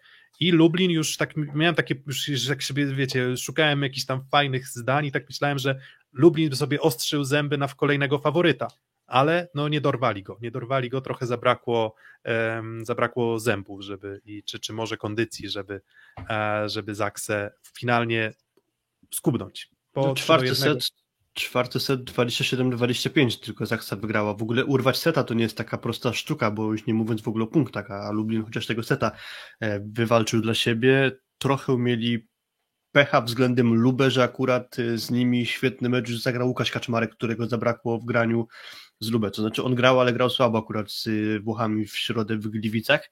No i to był chyba główny problem właśnie mm, Lublinian, że o ile jeszcze Semeniuk i Śliwka wielkiego spotkania nie zagrali, no to Kaczmarek wrócił do tego świetnego grania, było go ciężko zatrzymać i, i gdyby pewnie przedłużona niedyspozycja Kaczmarka, to obstawiam, że tu byłby tiebreak. Yy, na dużo pozwalał sędzia, bo sporo było takich piłek i nieczystości, które on nie odgwizdywał po stronie Zaksy na przykład i wielokrotnie... Po stronie Lublina też. Mm, tak, ale dużo było kontrowersji w tym meczu, czy może y, pretensji dużo do decyzji sędziów. Y, no i tak naprawdę taki mecz y, no ciężki, taki, w którym no, tak naprawdę wyrywasz te punkty, bo też Zaksa e, no, doprowadziła do, mogła wygrać to szybciej, doprowadziła do grania na przewagi. Tak naprawdę no, wygrali na przewagi, dostawając trzy punkty, ale tak, jest wydaje mi się dość pewny dołek fizyczny zespołu, e, który chociażby się objawia tym, jak się czuje Marcin Janusz, bo zobaczcie, końcówka z Lubę, mm, w piątym secie problemy zdrowotne, tutaj w czwartym secie problemy zdrowotne wchodzi Michał Kozłowski, to dociąga do końca grając bardzo, mm, bardzo fajnie. E, no i wydaje się pytanie, czy to będzie dawać jakiś, nie wiem, sygnał do kretu, żeby trochę rotować, chociażby na przykład jutro, no bo mówię, pytanie, czy Kozłowski dostanie szansę grania w pełniejszym wymiarze, no bo to dzisiaj jest rozgrywający, którym wydaje mi się jest gotowy do gry na poziomie naszej plus ligi, tak? A, a tak naprawdę no na razie nie dostał w ogóle grania, bo na przykład dla, okej, okay, może dla Siwki, Semeniuka, Kaczmarka to jest już normalne grać tyle, dwa mecze w tygodniu po prostu, tak? Ale Janusza to jest nowość. To jest nowość, on nigdy nie grał dwa razy w tygodniu w pierwszym składzie. Mm, no tak, znaczy on się nie załapał na występy w Pucharach Gdańska, prawda? Jeżeli dobrze mhm. pamiętam. Mhm. Więc um, tam w tym sezonie. Nie, nie, grał, grał z Anastazją, wtedy grał, grał, ale wtedy Kozłowski grał bardzo dużo. Decydujące okay. mecze te z Zenitem grał Kozłowski w pierwszym składzie. Znaczy, do, no tak, no wiecie, no to już jest, y, to jest tak, że dopóki wygrywasz mecz za meczem i dopóki prezentujesz dobrą formę i dopóki w zasadzie nic ci nie zgrzyta, to, to, to wtedy myślisz sobie, nie, no tam o czym wy mówicie w zasadzie, jaki tam problem z tym, że Kretu ma brak, że Kretu nie rotuje. A potem widzisz Marcina Janusza, który, którego łapią skurcze w trakcie meczu z Lukiem Lublin i zaczynasz się zastanawiać, no kurczę, no to, to co, to, to Kozłowski jest, nie wiem, zawodnikiem, który nie jest w stanie poprowadzić przynajmniej w tych meczach z dołem tabeli e, drużyny, no jakby rozumiem przywiązanie, rozumiem to, że w ten sposób Kretu buduje całą grupę, sprawdza ją w sytuacjach meczowych, ale, ale to już przy, przybiera takie rozmiary no trochę zatrważające. A tej gry jeszcze jest dużo, tak, bo jeszcze mamy mm, cztery spotkania Ligi Mistrzów w międzyczasie, teraz mamy Puchar Polski i znowu pytanie, tak, z osłabionym AZS-em znowu wychodzimy podstawą i na przykład dorzucamy Rejnę, czy może jednak, nie wiem, Żeliński trochę pogra ciekaw jestem, czy, czy może, czy, czy Klut, tak? Czy, czy, czy Kozłowski właśnie za Janusza, który, który tam ewidentnie problemy, problemy fizyczne mocne, tak? No bo jeżeli masz te skurcze, no to to trochę się przypomina sytuacja, jak wtedy tam były skurcze łapały Mariusza Blazłego. No to on wtedy też od deski do deski wszystko i to jeszcze obciążony w ataku tak, że, mm, że, że ledwo wytrzymywał, więc no może to jest sygnał ostrzegawczy Albo dla Lukas. Kampa z ostatniego meczu chyba sezonu poprzedniego, gdzie też tam ledwo skakał do bloku już. Tak mi się przypomina, że no było granie tym kampu i w końcu zdrowie pewnie dało mu e, popalić. Mm, co do mm, jeszcze, zaraz ja chciałem powiedzieć, e, wybiłeś mi trochę z uderzenia. E, w każdym razie Mm, Jest chyba jakiś dołek formy w Zaksie, czyli to spotkanie teraz z Lubę, to spotkanie z Lublinem nie było takie aż przekonywujące i to spotkanie, które oni grali wcześniej, czyli z, mimo że z Nysą wygrali 3 do 0, mm, no to pierwszy set chociażby też nie był taki gładki, trzeci też nie, dopiero drugi tak wygrany do chyba 15 zdaje się, ale czy będziemy rotować jutro? Moim zdaniem, gdyby tak rozsądnie podchodzić, to jednak mecz, który musisz wygrać, żeby awansować, to nie jest najlepszy moment na rotację. Jak dla mnie, mając taką sytuację w tabeli jaką ma Zaksa, raczej szukałbym zmian w meczach ligowych, tak jak na przykład właśnie w meczu chociażby z Lukiem Lubin. A nie jutro, gdzie już jak przegrasz, to odpadasz. A potem masz Warszawę, Bełchatów, Resowie. Nowosybisk. To może wyjdzie, że na rotację już był po prostu.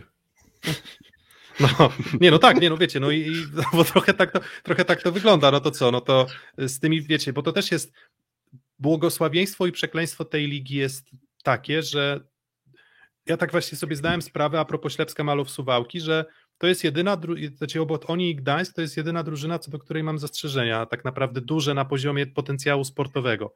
Masz 12 drużyn, albo powiedzmy jeszcze odliczając Nysę, masz 11 drużyn, które grają na bardzo fajnym poziomie, bo i GKS, i Kuprum Lubin, i Luk Lublin, em, to wszystko są, i AZS Olsztyn, to wszystko są drużyny, które bardzo aktywnie walczą o ligowe punkty i może po prostu jest tak, że, że wiecie, że to już nie jest liga dla zmienników trochę, tak?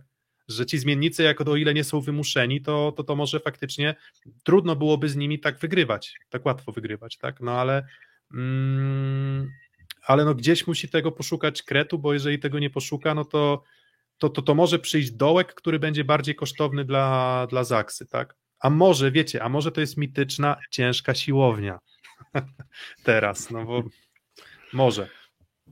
No ale co, co można powiedzieć? Luke się dobrze ogląda. Luke patrzy się na to dobrze i, i, i, i, nie dość tylko nazwa ich to mówi, ale naprawdę widać u nich y, powtarzalność w grze. Ja, ja muszę też powiedzieć szczerze, że y, teraz jakby mając okazję pomagać sędziować niektóre mecze, to jakby na niższych poziomach widzę, ile daje organizacja gry.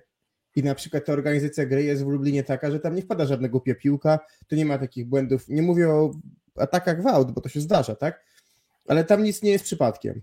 I to, I to jest chyba moim zdaniem zawsze najlepsza e, recenzja pracy sztabu szkoleniowego i drużyny, tak? Że jeżeli nic tam się nie dzieje przypadkiem i jeszcze zawodnicy, wydaje mi się, są w stanie się wspiąć w momentach meczu na swoje wyżyny, no to tak naprawdę przy takim le, le, pewnym spadku drugiej drużyny są w stanie nawiązać rywalizację, co się ogląda bardzo dobrze, bo mówmy się, ten mecz był bardzo ciekawy e, w sobotę. E, No i Lublin tak naprawdę moim zdaniem no dzisiaj czy jest faworytem do ósmego miejsca? Chyba tak. Mm, Drużyny do tak. Szkibicza to były zawsze drużyny walczące, widać na czasie. No to tak, tak, można się z tym zgodzić. i tak samo dajemy jest teraz. komentarz, kolejny komentarz Jana Hochwandera, bo już kilka tych fajnych komentarzy na czacie było. Czy to Więc- forma. Tak, więc top forma. Um, wiecie, to też jest, e, wiecie, bo tam można mówić drużyny walczące i to ja uwielbiam to, że wiecie, drużyna walczy albo nie walczy. Tylko, że jak jest dobrze zorganizowana, to się wydaje, że walczy, bo więcej podbija, tak? I wiecie, i ma więcej okazji do kontry. Mm, tutaj jakbym zwrócił uwagę na jedną rzecz, to rzadko się zdarza, żeby w Zaksie wyłączyć i Semeniuka i Śliwkę w jednym meczu. I o ile Kaczmarka się zatrzymać nie udało, no i ewidentnie to Janusz wyczuł, tak? Myślę, że no to jest bardzo duży atut Lublina, to, że masz Pająka i Filipiaka, którzy mają blok, no jednak co by nie mówić, dobry. Może na skalę ligową, może bardzo dobry, nie wiem, no ale na pewno dobry, Mm, więc y, jeżeli masz powiedzmy trochę słabszych przyjmujących i musisz się borykać z taką drużyną jak Lublin, no to na pewno nie, nie gra się łatwo. Czy to jest ten moment, gdzie będziemy chwalić Konrada Stajera? Piotrek? E, Nie, no wiecie, za, ma, za mało go było w tym meczu, żeby go pochwalić. Tam jeden, jeden fajny, jeden fajny zryw faktycznie. No, dwa zasadzie... bloki pod koniec chyba trzeciego seta. Znaczy nie, nie tego, co Lubin wygrał. E... Tak, i, i to też. tak? Tak, i to, i to Nie, nie, blok- drugiego seta wygrał Lubin. Tak, ten blok na Norbercie Huberze, jeżeli dobrze pamiętam, jeden z mm, taki blok jeden na jeden, więc y, nie, ale, ale po prostu w tym meczu było go, było go po prostu mało, tak, więc, więc tym meczem jakoś specjalnie mnie nie urzekł, natomiast, Ale ale, wcześniejszy.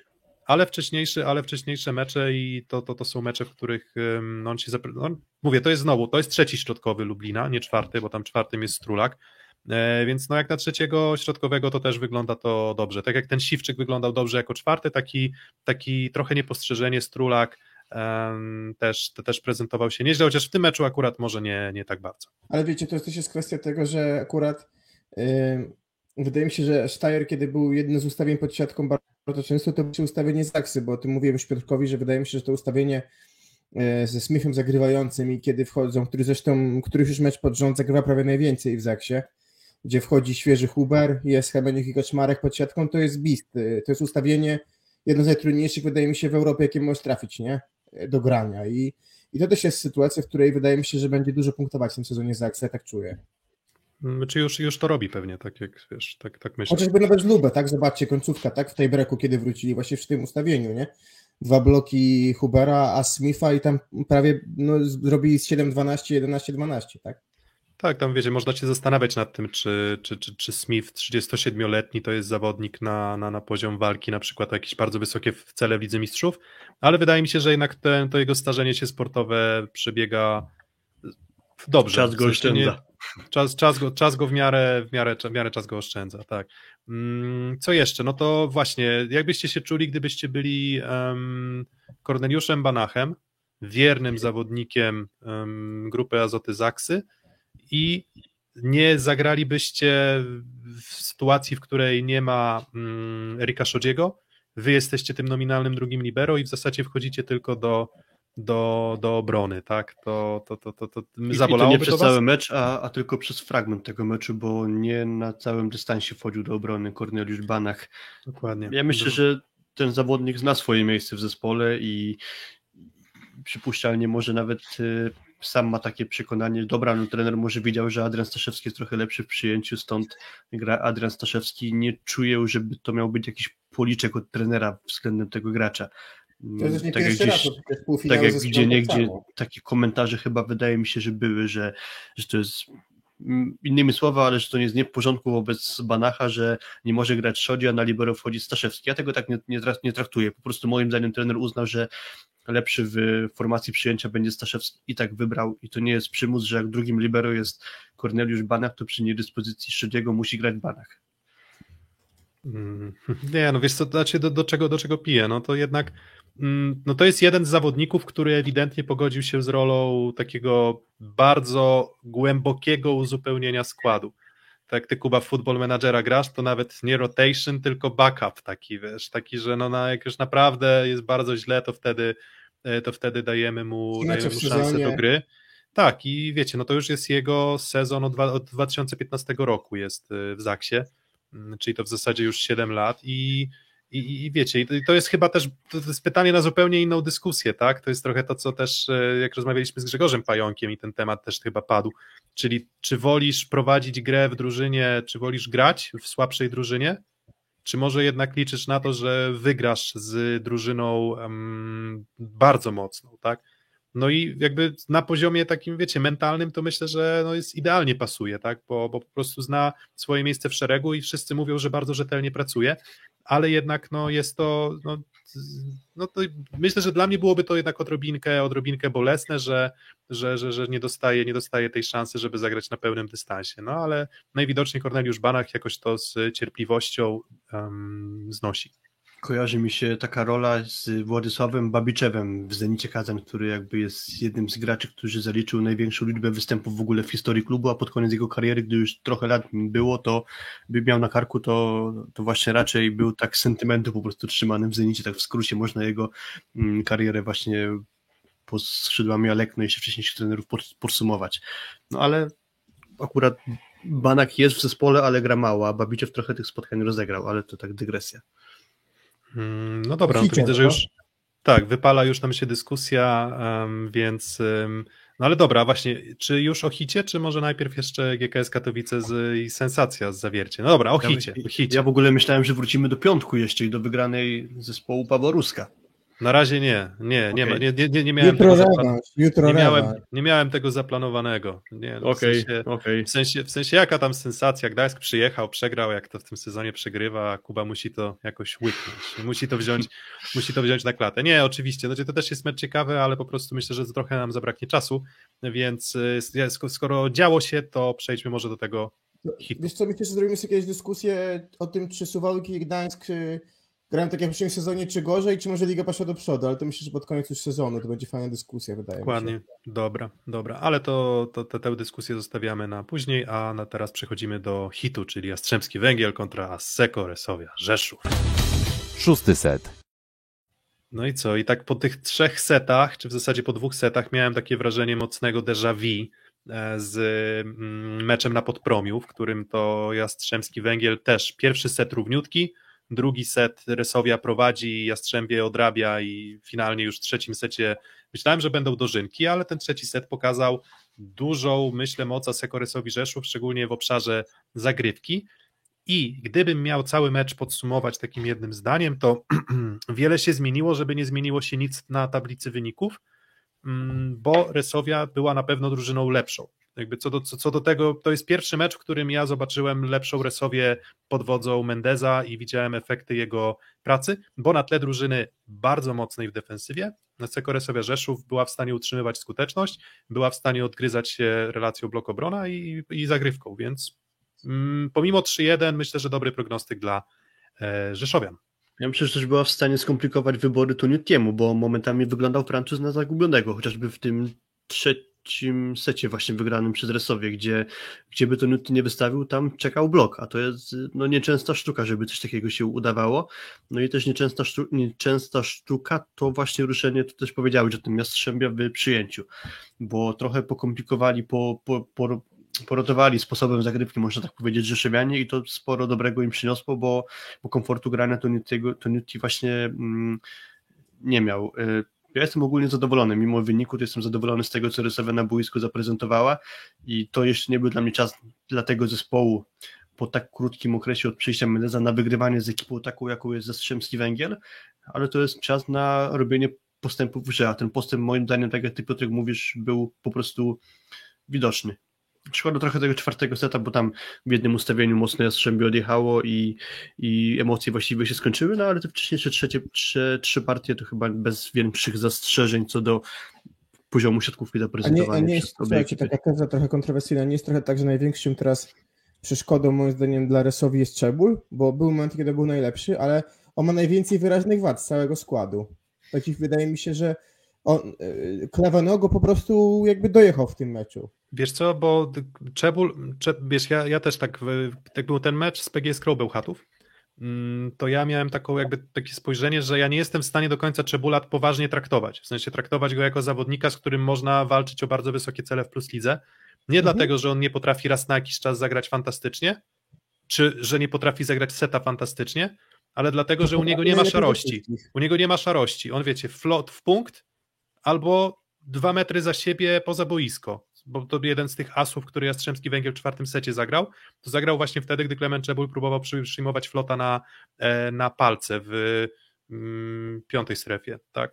Więc mam takie poczucie, że ciężko jest budować na zawodniku, który jest takim, taką bombą, która może ci, wiesz, wystrzelić w twarz, albo może wystrzelić w twarz, wybuchnąć w twarz twojemu, twojemu rywalowi. I trochę tak patrzę na, na Czebula. No on jest, on jest zero-jedynkowy tak bardzo, że że, że, że no nie wiem, no jakby... Mogło być 2-2 w tym meczu? Absolutnie mogło być 2-2 w tym meczu po czterech setach, tak? Wiesz, mm. początek tej serii Jastrzębia w czwartym secie to właśnie dwa asy Klebenona czy Bulu, a propos właśnie takiego pomyłek w przyjęciu, ale to nie były jego jedyne pomyłki, bo, bo raz po raz właśnie tam szarpał w tym elemencie. Ja mam do niego duże zastrzeżenie za pierwszego seta, czyli tam 20 20 do 20 chyba i Czebul zablokowany na kontrze, to był ten moment, kiedy szarpnął siatkę i dostał e, kartkę. Mm, chwilę później 23 do 22 prowadzi Resowia i Czebul przeszkodził Toniutiemu w rozegraniu i ten Toniuti mógłby ewentualnie tę piłkę przepuścić lub jakoś ratować się w taki sposób, że pewnie Resowia miałaby fribola z tej akcji, a Czebul się trochę podpalił, niepotrzebnie tę piłkę mu zgarnął. No i 25-24 dla Jastrzębia, Czebul szarpie przyjęciem, z trudnej piłki chyba Dero został podbity i Barotti tym dość ekwilibrystycznym atakiem zakończył seta, więc y, duże zastrzeżenia właśnie do co do pierwszego seta, później ta seria w czwartym, czyli dwa asy Klevenota na Czebulu, no i też jeszcze kilka takich pojedynczych zagrań, które właśnie świadczą o tym, że on nie jest stabilny, więc y, to takie pojedyncze wyrywki tego meczu, które świadczą o całościowym obrazie tego zawodnika. Rośnie Muzaj? Absolutnie. Ciekawe w Znaczy ogóle. już, już urósł, w sensie tak, wiecie, oczywiście, ale, ale już- no to taki mecz pierwszy z takim poważnym rywalem, wydaje mi się Mhm. takim najpoważniejszym do tytułu, gdzie naprawdę dobrze wyglądał. E, Ten ciekawy wywiad, który mówił, że Giuliani słyszał, że dobry trener, ale widać było, nie było tego widać w Rzeszowie, więc to też ciekawe. E, Drzyzga chyba wziął się za siebie na poważnie, bo i zaczął wyglądać lepiej w bloku i nawet, nawet widać no, jego reakcje do gry w obronie zupełnie inaczej wyglądają. Zatorski miał momenty bardzo dobre. No, wydaje mi się, że no, nie widzę przeciwwskazań, żeby Rosja nie miała się w tym składzie personalnym włączyć do walki nawet o, o finał, powiem szczerze. wiesz, znaczy finał, no może, może tak, no jakby już jest, jest, na czym, jest na czym budować, tak, czyli mm, zagrywka jest, czyli wiecie, połamanie Jastrzębskiego Węgla to naprawdę jest sztuka, tam bez, bez, bez żartów. Tak, tak. To, to, to, to, to praktycznie nikomu się to nie, praktycznie nikomu się te, to nie udawało, a wydaje mi się, że czy z Jastrzębskim Węglem, czy z Zaksą, no to od tego zaczynasz. Jakby, jakby jeżeli ciężko jest ich położyć e, lepszą grą na bloku, bo oni mają to naprawdę doszlifowane, więc no jedyne co możesz zrobić, no to możesz liczyć, że odrzucisz ich od siatki i to będzie dla ciebie atut i ty dzięki temu będziesz w stanie na przykład, nie wiem, budować, e, budować kontry, a, a więc, więc jest atut, jest, jest atut Muzaja, Mm, Coraz lepiej wygląda drzyzga z Dero też i wiecie, znowu mm, drzyzga wygląda, zaczyna wyglądać trochę lepiej. Nie powiem, że wygląda fantastycznie, ale zaczyna wyglądać trochę lepiej, bo tak jak pamiętacie te piłki, które on dawał podwieszone Dero i Czebulowi, tak teraz mam wrażenie, że jest tam tempo, jest tam e, szybkość po prostu, tak? On tam na krótkim wycinku bardzo lubi grać, tak? No bo, bo kilka razy to pokazał, ale wydaje mi się, że, że wygląda to odrobinę, odrobinę lepiej. No nie był to mecz środkowych ani w przypadku Jastrzębskiego Węgla, ani w przypadku Asekoresowi Rzeszów. Czasem takie mecze są, zresztą nie zaskakuje mnie to, bo Drzyzga nigdy w ważnych meczach nie gra dużo środkiem. Bardzo sporadycznie, tak. On raczej wtedy wybiera, wybiera skrzydła, więc to mnie akurat bardzo nie zaskoczyło, ale mówię, są te, są te pozytywy. Jest już stabilnym elementem drużyny Zatorski też. Chociaż Jest- właśnie było to jest- jest zastrzeżenie okej. co do Za- Zatorskiego, bo też się to pojawiło w komentarzu. Jedno zastrzeżenie, pierwszy set, y, 25-24 punkt dla Jastrzębia, właśnie po tym jak Zatorski szarpnął przyjęcie, Mhm. dość łatwiej by się wydawało mm, zagrywki flotem Kleveno, po czym pomylił się Dero i atakował po siatce Wout, więc to był bardzo ważny moment i tam Zatorski akurat się nie popisał. Ale co do zasady, okej, zgodzę się, że, że jego dyspozycja na pewno rośnie. Mm, Więc, więc mówię, są, są pozytywy, a co sądzicie o grze Jastrzębskiego Węgla? No bo to też mm, zawsze jest tak, że okej, widzimy poprawę Resowi, ale pytanie, czy, czy na przykład jakbyście porównali ten Jastrzębski Węgiel i ten, który widzieliście na podpromiu, te ileś tam kolejek wstecz, to, to, to wydaje mi się, że to był jednak troszeczkę słabszy mecz ogólnie całej, całej drużyny, a na pewno środkowych, tylko że znowu, czy to Resow, resowscy, rzeszowscy środkowi wyłączyli środkowych Jastrzębskiego Węgla, czy to oni mieli akurat gorszy dzień i, i, i znowu trochę wyszło to, że to Newty nie chodzi z nimi jak w zegarku, to, to, to nie wiem sam, nie, nie, podejmuję się oceny, ale to nie, był, to nie był kompletny Jastrzębski Węgiel, moim zdaniem. Co do samej gry środkowych, to ja sobie robię notatki z meczu i pamiętam początek meczu, pierwszy set i mam takie notatki, że e, opcja z odpuszczeniem Hadrawy w kontrze. Hmm. Dobrze Czebul skoczył do Wiśniewskiego. Parę akcji później znowu. Dobrze Czebul skoczył do Wiśniewskiego. Czyli właśnie było widać taktyczny zamysł na to, żeby zagęszczać e, środek siatki. I być może to właśnie przyniosło taki efekt, że z jakąś super skutecznością nie skończyli ani Wiśniewski, ani Gładry, tak z tego co pamiętam. Tak, Nie, co, nie, nie chcę co- patrzeć w statystyki teraz. Tak, ale co miało drugą stronę medalu taką, że Hadrawa miał dużo komfortu. W sensie on rzadko kiedy atakował z piłek trudnych, więc może to było tak, że ci zagęszczeni środkowi powodowali, że po prostu do tego prawego skrzydła, znaczy do ataku z prawego skrzydła Jastrzębskiego Węgla nie, nie nadążali, bo, bo Hadrawa po prostu, to nie było tak, że on atakował na wiecie podwójnym, potrójnym bloku non-stop, to bardzo często były szybkie piłki za plecy zagra- zagrane, gdzie ten blok był lotny więc często na pojedynczym bloku, co, co trochę przypomniało mi mecz, z- trochę przypomina mi dwie rzeczy, czyli to, że Resowia ma, jest najgorsza w tym wskaźniku, jeżeli chodzi o zatrzymywanie atakujących rywala, że oni tam w zasadzie wszyscy bez wyjątku wychodzą, grają dobrze i to się dalej potwierdza. Mm, A druga rzecz, no to przypomniało mi to mecz e, Błajera i współpracę Błajera z Toniutim na podpromiu, bliźniaczo podobną, gdzie też Toniutti wykreował właśnie Hadrawę, tak? W- Znaczy wtedy wykreował Błajera, tak jak teraz Hadrawę. O. Znaczy tak, ale ogólnie nawet nie zamykając się w tym spotkaniu, to chyba nie ma co tęsknić za Stepanem Boje, bo moim zdaniem Hadrawa świetnie się w swojej roli e, sprawdza, więc mimo, że atakuje z wygodnych piłek, no to też to nie jest jakiś zarzut w stronę Janka na pewno, nie? Mhm. Nie, no tak, oczywiście. To tak jak wiesz, tak jakbyś do, do Muzaja miał zastrzeżenia, no, że wiesz, że, że dostaje piłkę na lotnym Ale bo, bloku. o właśnie, i- dobrze, że wspomniałeś o tym, bo też Adrik widziałem, że e, miał zastrzeżenia co do Muzaja z kolei właśnie, że nie, nie zgodzi się z nami co do tego, że Muzaj jakby nie rósł, tylko urósł, coś takiego powiedzieliśmy przedtem. No nie, moim zdaniem ja, on, on spełnia swoją rolę. Ja jestem zadowolony z tego, co pokazuje i z tego, jak rozwinął się względem po, początku sezonu, gdzie brakowało moim zdaniem e, siły uderzenia, gdzie piłki atakowane przez niego były względnie łatwo bronione, brakowało mi częstotliwości grania do niego, a teraz jest tego trochę już więcej i, i ja jestem zadowolony z jego dyspozycji. I to może tak wydawać, że to są piłki dobrze rozegrane, ale przecież czasami Drzyzga rozgrywa lepiej piłki gorzej przyjęte do tyłu niż lepiej przyjęte do przodu, więc to też może być też tego, tego, tego jakby rezultat czy efekt, nazwijmy to. Mhm. Tak, no ale mówię, no co do zasady, wiecie, no Muzaj zaczął tak, 23% w ataku, 28% i tak trochę zanim się toczy ta negatywna ocena z początku sezonu. Czyli, że jest tak, że w zasadzie teraz czego Muzaj nie zrobi, to będziemy się czepiać. A, że wiecie, za mało zaangażowany w grę na kontrze.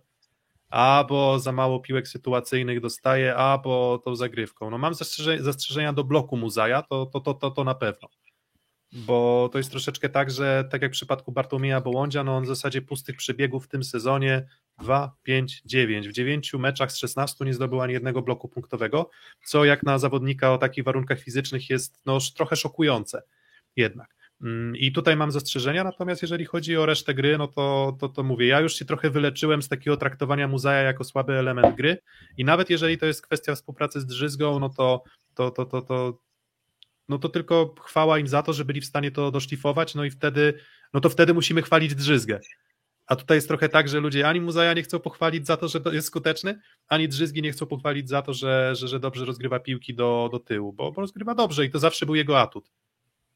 Więc, więc, więc mam takie poczucie, że, że, że Muzaj się odbudowuje. A w Jastrzębskim Węglu, no to co, właśnie Tomasz Fornal jeszcze jest dla mnie takim tematem, bo on w statystyk- statystykach dzięki czwartemu setowi trochę się poprawił, ale miękko, miękko i, i, i jak na takiego zawodnika, gdzie wszyscy trochę go em, pompowaliśmy, że to już jest ten moment, w którym on będzie wykazywał się taką agresją i skutecznością na, na piłce wysokiej, no to mija kolejny sezon, mija kolejny mecz, kolejny mecz z trudnym rywalem i cały czas mam wrażenie, że Fornal jednak lepiej radzi sobie w piłkach rozegranych na lotnym bloku, a jeżeli chodzi o, o, o, o- skończenie na takim podwójnym, potrójnym, szczelnym, czy, czy gdzieś na piłce wysokiej, to, to ciągle, ciągle widzę tutaj problem i nie wiem, czy się doczekam, żeby było lepiej.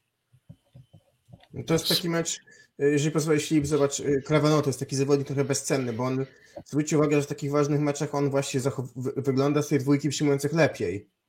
Nie wiem, czy to jest kwestia mitycznego doświadczenia, czy akurat tego, że, że, że, że on y, jest takim zawodnikiem, który bardzo dobrze potrafi wykorzystać słabość przeciwnika. On dość szybko identyfikuje i potrafi ją znaleźć. Jeżeli mamy przeciwko siebie, a tak było w tym meczu, gdzie właśnie tak jak mówimy, Muzaj no, no, sztycha, sztycha na nim nie zrobił, Yy, no, no to to jest taki, taki gwarant tego, że na piłce, która musi iść do lewego skrzydła, nie zrobi głupiego błędu. I to jest wydaje mi się bardzo duży jego plus, mimo że na przyjęciu na przykład Fornal lepiej wygląda, tak, mniej robi błędów, nawet jeżeli nam statystycznie wychodzi, że przyjmuje niby to ciut gorzej, to przez to, że nie robi bezpośrednich błędów Fornal, no to jest tutaj bezcenny.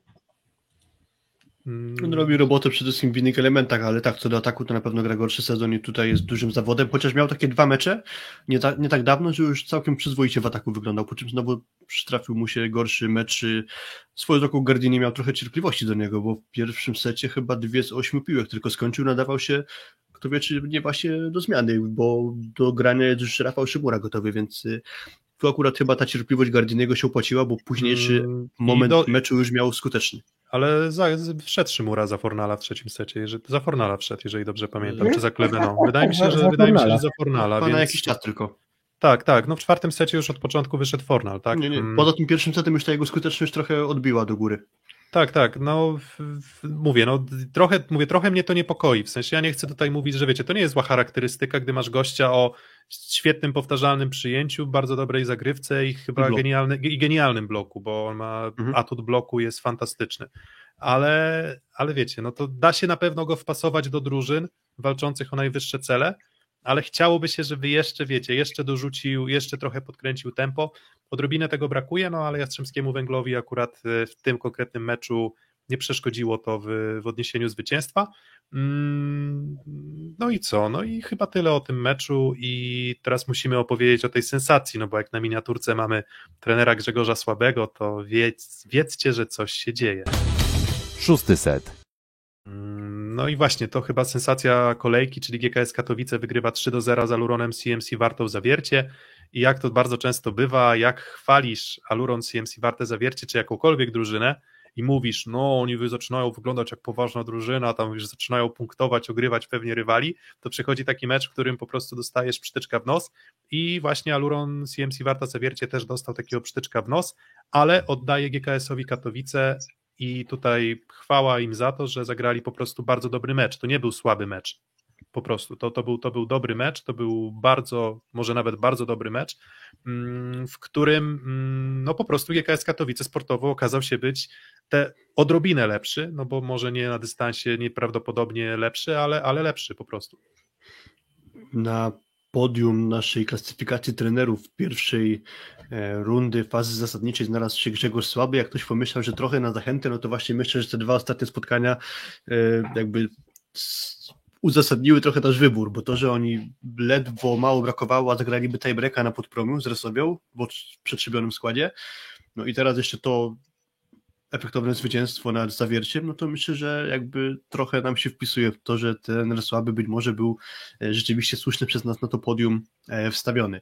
To, co najbardziej mi imponowało, to gra defensywna GKS-u Katowice, czyli bardzo ciężko było się Zawierciu dobić do parkietu e, i to chyba w dużej mierze zadecydowało właśnie o tym, że to właśnie GKS w sumie już czwarty z rzędu siebie mecz z Zawierciem wygrał. Kuba, jesteś z nami? Jestem, jak najbardziej jestem z wami. Mm, To jest, taki. Trochę przypomniał mi się mecz zawiercia z Olsztynem. Też przegrany 3 do 0, też na wyjeździe. Też przy bardzo dobrej grze przeciwnika. I też na, przyciągały na swoją stronę y, końcówek setów. Trochę bardzo podobny mecz. Znowu to jest taki mecz, w którym te decyzje w końcówkach meczów są takie. no Nie wiem, no ten NBA na koniec pierwszego seta, ja nie wiem, czy to był błąd. Ja nie siedziałem na słupku, ale ja, Mi tam ja tylko wiem, czy- brakowało, żeby Piotr Hain jeszcze ten wsad z obrotem zrobił, to już w ogóle nie, nie, wiem, było. czy, nie wiem, czy A, ale, aliup. to się dzieje takiego, że na przykład w końcówkach spotkań decydujących sędziowie jakby boją się zmienić swoją decyzję, jakby inaczej niż boisko. Z jednej strony w przepisach są wytyczne, żeby pozwalać grać, no ale z drugiej strony dochodzi do tego, co jest tak samo irytujące w piłce, jak jest na przykład in, sytuacja taka, że to, co odbliżą ci jako faul poza polem karnym, już polu karnym faulem nie jest. I mam wrażenie, że gdyby coś takiego było przy wyniku 15-14, to by był odgwizdany błąd. Mm, Nie powiem, nie powiem kto, ale jedna z y, osób ze środowiska siatkarskiego napisała mi, że to trochę taka ta decyzja z tym slam dunkiem Piotrka Hajna w końcówce pierwszego seta, to tak trochę, trochę przywebował, przy Howardołebował. Pamiętacie mecz Polska-Austria, gdzie Tak, tam tak, tak. em, kontrowersja Karny? na naszą, tak, i ten karny, który tam miał pewnie w domyśle odrobinę wyrównać błędy, tak, żeby był trochę taki, wiecie, no, na pograniczu, Mm, no to tam była taka decyzja w tym pierwszym secie, która skrzywdziła GKS Katowice, bo tam chyba chodziło o czyste, czystość odbicia e, Majki ma, jeśli dobrze pamiętam. Mm, I, I to wywołało bardzo duże kontrowersje i tak się zastanawiam, no bo to, to nie jest wskazane generalnie, żeby, żeby się odwdzięczać. No popełniłeś błąd, no to resztę sędziuj do, do, końca, do końca dobrze. Mm, I, i, I tym bardziej jest to trochę zaskakujące, no bo jednak był to sędzia Maroszek, czyli taki powiedzmy eksportowy nasz e, towar, jeśli chodzi o, o sędziów, szef Wydziału Sędziowskiego PZPS-u, więc e, w tym sezonie też tak było to nasze pytanie na podsumowaniu półmetka, co z tymi sędziami i jest trochę tak, że nawet jak oni prowadzą bardzo dobrze mecz przez 98% akcji, to zawsze albo zawsze, zazwyczaj się musi trafić jedna, która podgrzeje trenerów, ki- kibiców, zawodników, tak, i, i chyba samych sędziów też trochę im ciśnienie podbije, bo, mm, bo albo to są takie decyzje, które są gdzieś tam na pograniczu, nie wiem, linii autu, albo trochę, albo trochę chaosu. W meczu Suwałk z AZS-em też, był tak, też była taka jedna sytuacja, więc nie wiem, czy tych błędów jest dużo więcej, ale na pewno są dużo bardziej widoczne, tak? co, co może dawać nam takie odczucie, że jest ich jakoś okropnie, okropnie dużo. Ale to, to, to nie, nie błędy sędziowskie zadecydowały o wyniku tego meczu. No, też trzeba przyznać, że zawiercie miało na widelcu na przykład seta drugiego, prawda? W którym mm, ile tam było? Chyba plus cztery w końcówce, w końcówce drugiego seta. No i wypuścili to, więc um, sam Urosz Kowacewicz w tym meczu dużo bardzo nie dawał. Tak, zabrakło i Konarskiego i Conte, no a zawiercie bez dwóch skrzydeł, zresztą każda drużyna z jednym skrzydłem, myślę, że ma problem z grą, a szczególnie zawiercie, które nie ma odejścia na środku. Tam nie masz za bardzo możliwości przekierowania piłek, zmienienia taktyki, żeby grać więcej z Niszczołem i, i, i Niemcem, bo, bo nie, tak, więc bo oni po prostu tego nie grają, grają bardzo rzadko. No i w tym meczu też grali bardzo rzadko, uporczywie wybierał Conte i, Conte i Konarskiego wybierał najpierw Tavares, a później potem Kawana, no i oni sobie nie radzili, no i, i, i nie było tam dużej, du, du, wysokiej refleksji, bym powiedział, żeby, żeby coś zmienić, a może po prostu nie było narzędzi, tak, może właśnie jest tak, że, że, że tego środka właśnie brakuje w sytuacjach, w których ma zadyszkę dwóch skrzydłowych. A może właśnie zabrakło trochę zmiany skrzydłowych, czyli dania na dłuższym dystansie szansy Malinowskiemu i dania na dłuższym dystansie szansy Piotrowi Orczykowi, e, bo to trochę zaczyna być taki znak rozpoznawczy Igora Kolakowicza, że on niezbyt chętnie sięga po rezerwowych skrzydłowych, bo, bo ile na środku, na rozegraniu czasem jeszcze pojawi się rotacja, a zwłaszcza dużo tych rotacji było na samym początku, bo bodajże dopiero od siódmej kolejki takim etatowym pierwszym rozgrywającym stał się Tawaresz, a wcześniej było trochę na takiej zasadzie, że lepszy rozgrywający zawiercia to jest ten, który wchodzi z ławki. Tak to trochę wyglądało. A potem już był Miguel Tavares i, i to się ustabilizowało.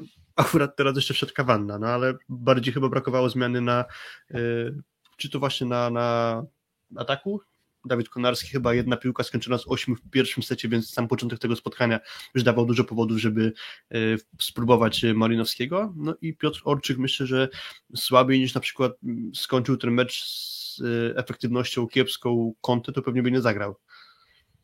No, a co się mi podoba, jak wchodzą do ligi amerykańscy rozgrywający. Bo imponował nam, nam Tuaniga, jak przychodził, pamiętam mecz na podpramie chociażby jego asy, pewność gry i dodawanie tych elementów dodatkowych do rozegrania, czyli właśnie bloku i zagrywki i, i podobnie wchodzi Majka Ma, tak, nie licząc czy problemów tam zdrowotnych, no to to się z który mecz, któryś już mecz, w którym jest sporo asów, to przecież po jego zagrywce była ta przechodząca piłka chociażby w pierwszym secie. I jest sporo bloków, także no to jest strzał w dziesiątkę, wydaje mi się tutaj yy, trenera słabego, żeby właśnie postawić na jedyną, na tego rozgrywającego amerykańskiego, tak, no bo to, to nie była oczywista decyzja.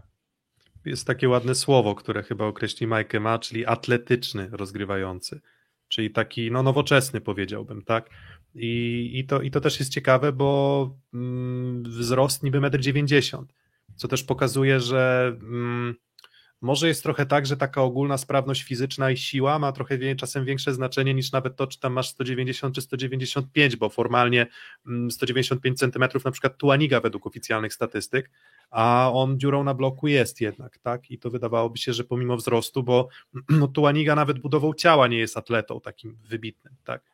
Takie, tak, jakby widać to, tak? To, to, to nie to jest bardziej taki... Christensona wzięty ma, tak? Trochę niższy, ale tak, bardziej wydaje tak, mi się, że gdzieś ta szkoła.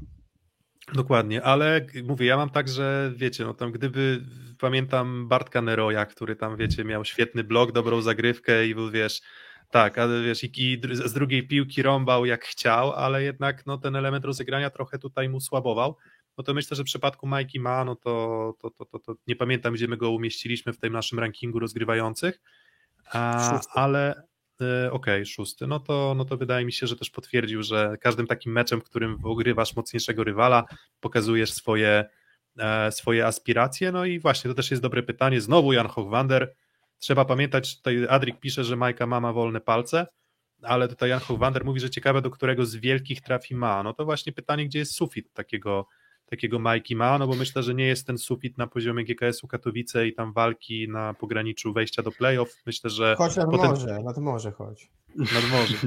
Już, już Lukas Kampa ci zbrzydł? Dokładnie. A taki Nie był top transfer. A taki No był wiem. top. A mia, miało to me... co... Tak, co miało być? Mówię, że miał być, miał być idealny zastępca za Janusza, a nie idzie na razie. No Ale trochę Majka na razie nie idzie. z plaży przed sezonem do, do, do GKS-u, także no może mieć plażę w Polsce. Wiecie co jeszcze mi się podobał Majki Ma, to jego wszechstronność, czyli przyjechał na podpromie, musiał grać w szóstce Kogut, świetnie grał na prawym skrzydle Rousseau, ale tego właśnie Koguta trochę może trzeba było schować w ataku, no to kapitalnie prowadził grę przez środek, bo grał bardzo wszechstronnie i bardzo dużo, i do Haina, i do Kani. To był ogromny problem, żeby Rysowia mogła jakikolwiek w ogóle ich atak jakoś sensownie powstrzymać. Natomiast przyszło spotkanie to ostatnie z zawierciem, już tego środka tyle nie było, no ale z kolei Rousseau został przesunięty na przyjęcie, więc on został utrzymany, a za Koguta ze skrzydłowych wskoczył Jarosz i znowu przyciągnął granie, ciężar ataku na skrzydła. I to też funkcjonowało świetnie, więc to jest duża rola rozgrywającego właśnie, że potrafi dobrze wykorzystać te atuty, które akurat na boisku ma. Ma, ma. Ma, ma, ma, tak, badumc. To było, to Em, było niezamierzone. Dobra, niezamierzone. Dobra, e, Filip musi uciekać, więc my jeszcze chwilę porozmawiamy może o tym meczu i jeszcze chwileczkę na koniec transmisji o meczu Lubę z Zaksą, więc Filip, na razie, żegnaj. Wiem, że będziecie właśnie rozmawiać o meczu z Lubę. Ja na tym meczu jakby byłem w Gliwicach w hali, tylko jedno zdanie wam powiem, jakby może jako zalążek do dyskusji, że kapitalnie się ogląda Simona na żywo. Za każdym razem jak go widzę, to robi na mnie ogromne wrażenie i to, co on tam zrobił na środku, to, to jest kolejny jego po- popis gry, może poza trochę gorszą zagrywką. A przypomniało mi się też a propos tego meczu, że w 2019 roku Bułgaria odrzuciła przyznanie mu obywatelstwa, dlatego że proces Karentii by trwał dwa lata i on wtedy będzie się nie nadawał do grania już. A od 2019 roku już minęło 3 lata, a on dalej potrafi zachwycać. E, Nie- więc Nie pykło, nie pykło. nie, fajnie się skończyło, bo nie, wiesz co, fajnie się, skończyło, fajnie się to skończyło w ogóle, bo i Argentyna dziś kiedyś chciała go naturalizować, i Kanada, i właśnie Bułgaria. A finalnie wrócił do grania w reprezentacji Kuby. Między innymi grał w kwalifikacjach do Igrzysk Olimpijskich właśnie Robert Landy Simon z powrotem. E, Z tą myślą was zostawiam. E, Trzymajcie się. Dzięki. Do usłyszenia. Dobra, no to co, no to zostajemy, zostajemy we dwójkę. Mm, No i dobra, to jeszcze tak domykając temat GKS Katowice, Aluron CMC Warta Zawiercie, wydaje mi się, że już dużo więcej o tym meczu, mm, o tym meczu opowiedzieć nie opowiemy. Jeszcze taki komentarz tego środka, że, że, że troszeczkę, jak pamiętam, Jan Firlej z Mateuszem Porębą i Szymonem Jakubiszakiem przeciwko projektowi Warszawa grał środkiem bardzo dużo. Tam wtedy co trzecia piłka poszła na środek i to działało no to to też pokazuje, że jest y, kreatywny mózg y, i, i umiejętność adaptacji, to o czym mówił Filip.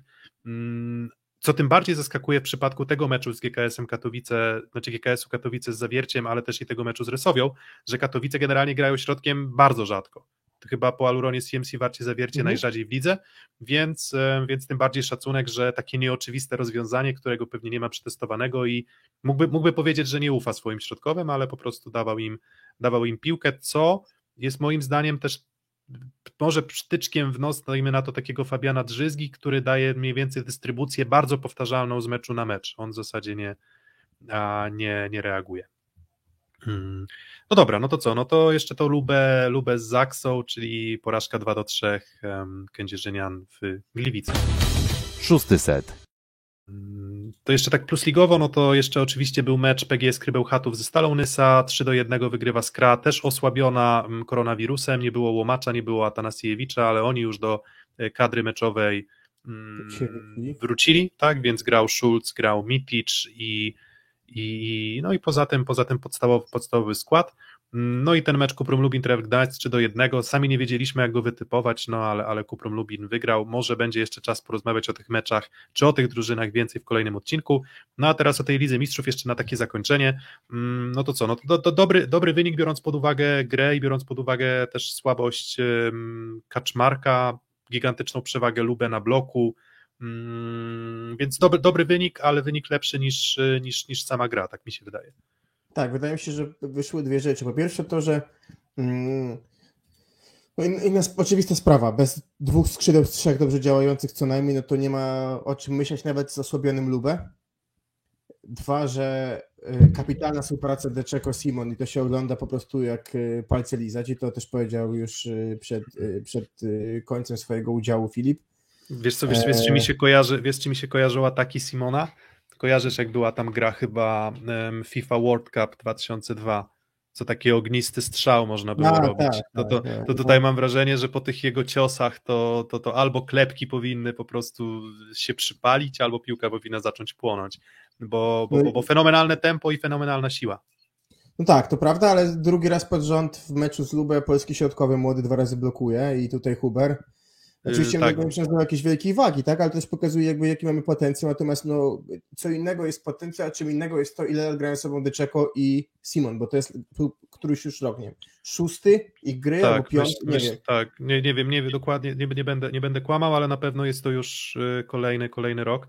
Wiesz, po Mm, drugie odpalisz ho, ho, y, volleyball compilation najładniejszych ataków, to to drugi będzie właśnie ich współpraca, tak, czy wystawa dołem, czy inna i, i to się Mhm. ogląda kapitalnie.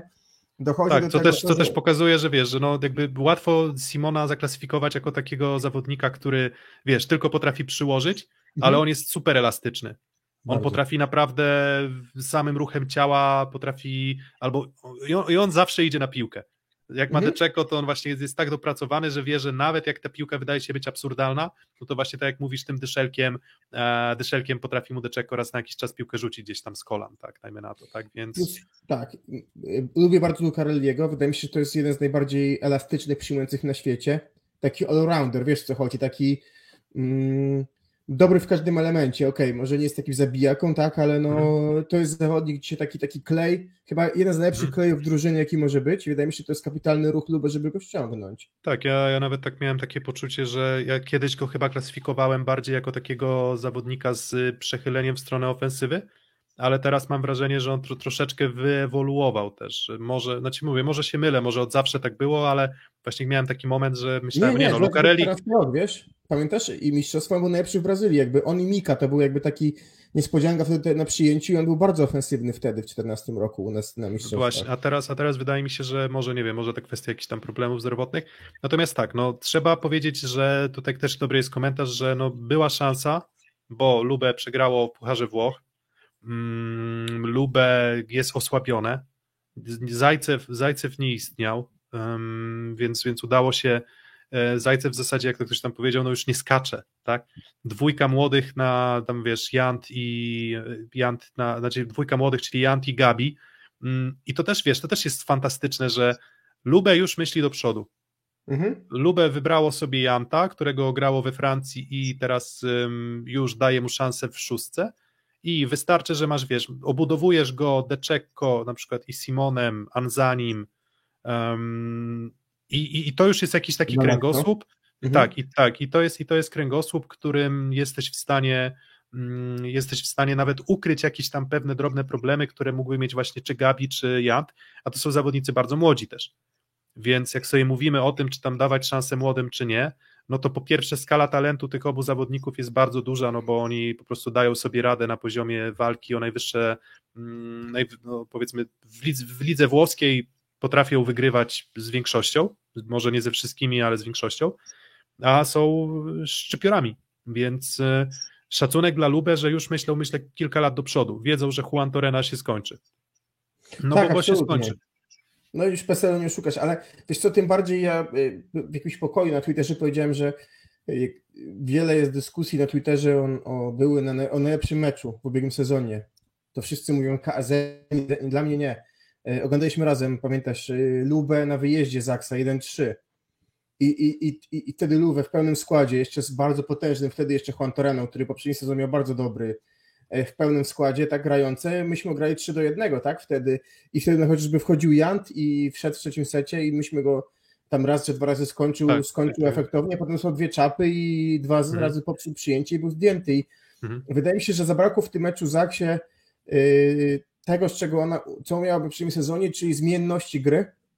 Fakt, że też nie było takiej dyspozycji Kaczmarka, ale za, Mhm. zabrakło zmienności gry i dwa, no to są takie mecze, w których kapitalnie się patrzy na Semeniuka, bo jest to przewyższenie, bo jest ten jego zasięg, a to są mecze, w których jeśli, yy, yy, musi być bez Kaczmarka nie jest w stanie Śliwka go tak mocno w takich meczach zastąpić, Mhm. bo mi się wydaje, że to jest taki poziom, na którym Śliwka może pomóc bardzo mocno z tyłu, ale już z przodu tak mocno liderem nie będzie.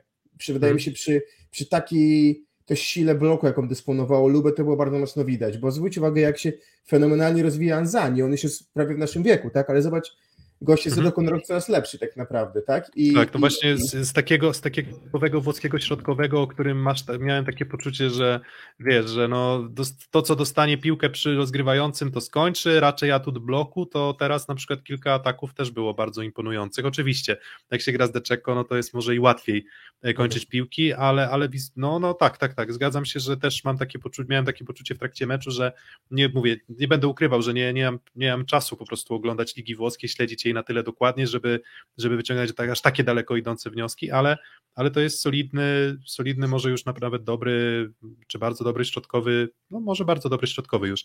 Mm, No i wiesz, i to też jest tak, że wiesz, trener Lube, e, Gia Lorenzo Blengini nie, nie, nie płacze, że wiesz, mu wypada Juan Torena, tak? Wiesz, że, że ma problemy tam, wiesz, z Zajcewem i tak dalej. No ma cały czas elementy, jest w stanie to posklejać. Mm, I, i, mówię, i na przykład atut bloku, no to, to to mnie trochę zaskoczyło, wiesz, w tym meczu, bo spodziewałem się, że to będzie równy mecz na bloku i nie wiem, czy to była bardziej zasługa Deczekko, czy może słabości właśnie Kaczmarka akurat tej, bo tam jakieś problemy żołądkowe chyba dzień wcześniej, Tak, tak. Mm, więc wiesz, więc po prostu może wydaje się, że po prostu było osłabione, trochę to było widać na boisku. No ale to znowu pytanie do Kretu, no to co, no to Klut, to Klut gorzej by zagrał od Kaczmarka? Myślę, że nie. Myślę, że nie, no ale no, wiesz, no. My sobie możemy dzisiaj pogdybać i ten, a tutaj no. Pan punkt, czy coś na pewno coś daje? Tak, tak, no właśnie nie, nie, nie bagatelizujmy punktu, tak, to jest ważny punkt. Ale on nic nie da, jak nie wygramy za trzy z y, Nowosybirskiem, albo chociaż za dwa. Mm, Bo mówmy się, no grupa nie tak, jest prosta, za, wydaje mi się, że wiesz, dwa. jak zwycięzca nie wyjdzie Mhm. przedniego sezonu, to będzie przykra niespodzianka. Mm, No tak, no za Maribor dopisujemy trzy punkty. Myślę, że dwa punkty z Lokomotywem i wiecie, i, i to też jest tak, że to, nie jest tak, że z Lubę nie można ograć albo nie zdobyć punktu na wyjeździe, tak? Ale, ale cztery zwycięstwa i 12 punktów moim zdaniem wystarczą do wyjścia z grupy w Lidze Mistrzów.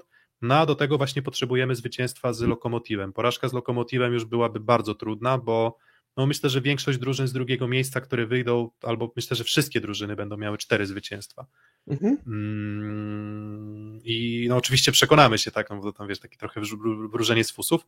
Mm, No i właśnie, jeszcze no, trzeba docenić, ty wspominałeś o Kamilu Semeniuku i no to to jest kolejny mecz, w którym on dźwiga te duże mecze, tak, gigantyczne, gigantyczne, potężne mecze z trudnymi, z trudnymi rywalami i no i było długo tak, że to była taka jednoosobowa no, jednoosobowa armata tak naprawdę. W zasadzie to, to był jedyny taki godny zaufania skrzydłowy do wyboru mm, przez Janusza. No i co? No i nie zatrzymuje się Kamil Semeniuk, tak? Jakby cały czas jest tak, że wracamy dokładnie do tych samych wspomnień, które mieliśmy z zeszłego sezonu Ligi Mistrzów, której em, no, Semeniuk prezentował się po prostu kapitalnie. był tak? najlepszym zawodnikiem, tak, tej edycji Tak. pewnie. Dokładnie. I, i, teraz też wygląda kapitalnie, więc yy, no tak jak zaczynaliśmy transmisję od Grybicza, który tego Semeniuka jeszcze odrobinę podkręcił, ukształt, do, dokształtował. Ale on nie zaczął. y, y, Kto był trenerem, kiedy odszedł do, do Rosji? Nie zaczynał właśnie grbić swojego dwuletniej kadencji? Czy jeszcze to był rok wcześniej? Um, wiesz co? Czekaj, no bo tak, 2020-2021 Liga Mistrzów, 19-20 to, to był ten pierwszy sezon chyba, w którym Semeniuk zaczął grać ze Śliwką w parze i No to, to wtedy jest pierwszy trenerem... sezon y, Grbicia, bo był dwa lata. Mm, tak, tak, tak, tak. No więc, więc tak, więc tak, Mhm. miał, miał czas na pracę z Semeniukiem i, i, i oczywiście to jest zawsze tak, że zawodnik indywidualnie pracuje, a, ale, ale czekaj, to Grbi, Grbicz dwa lata?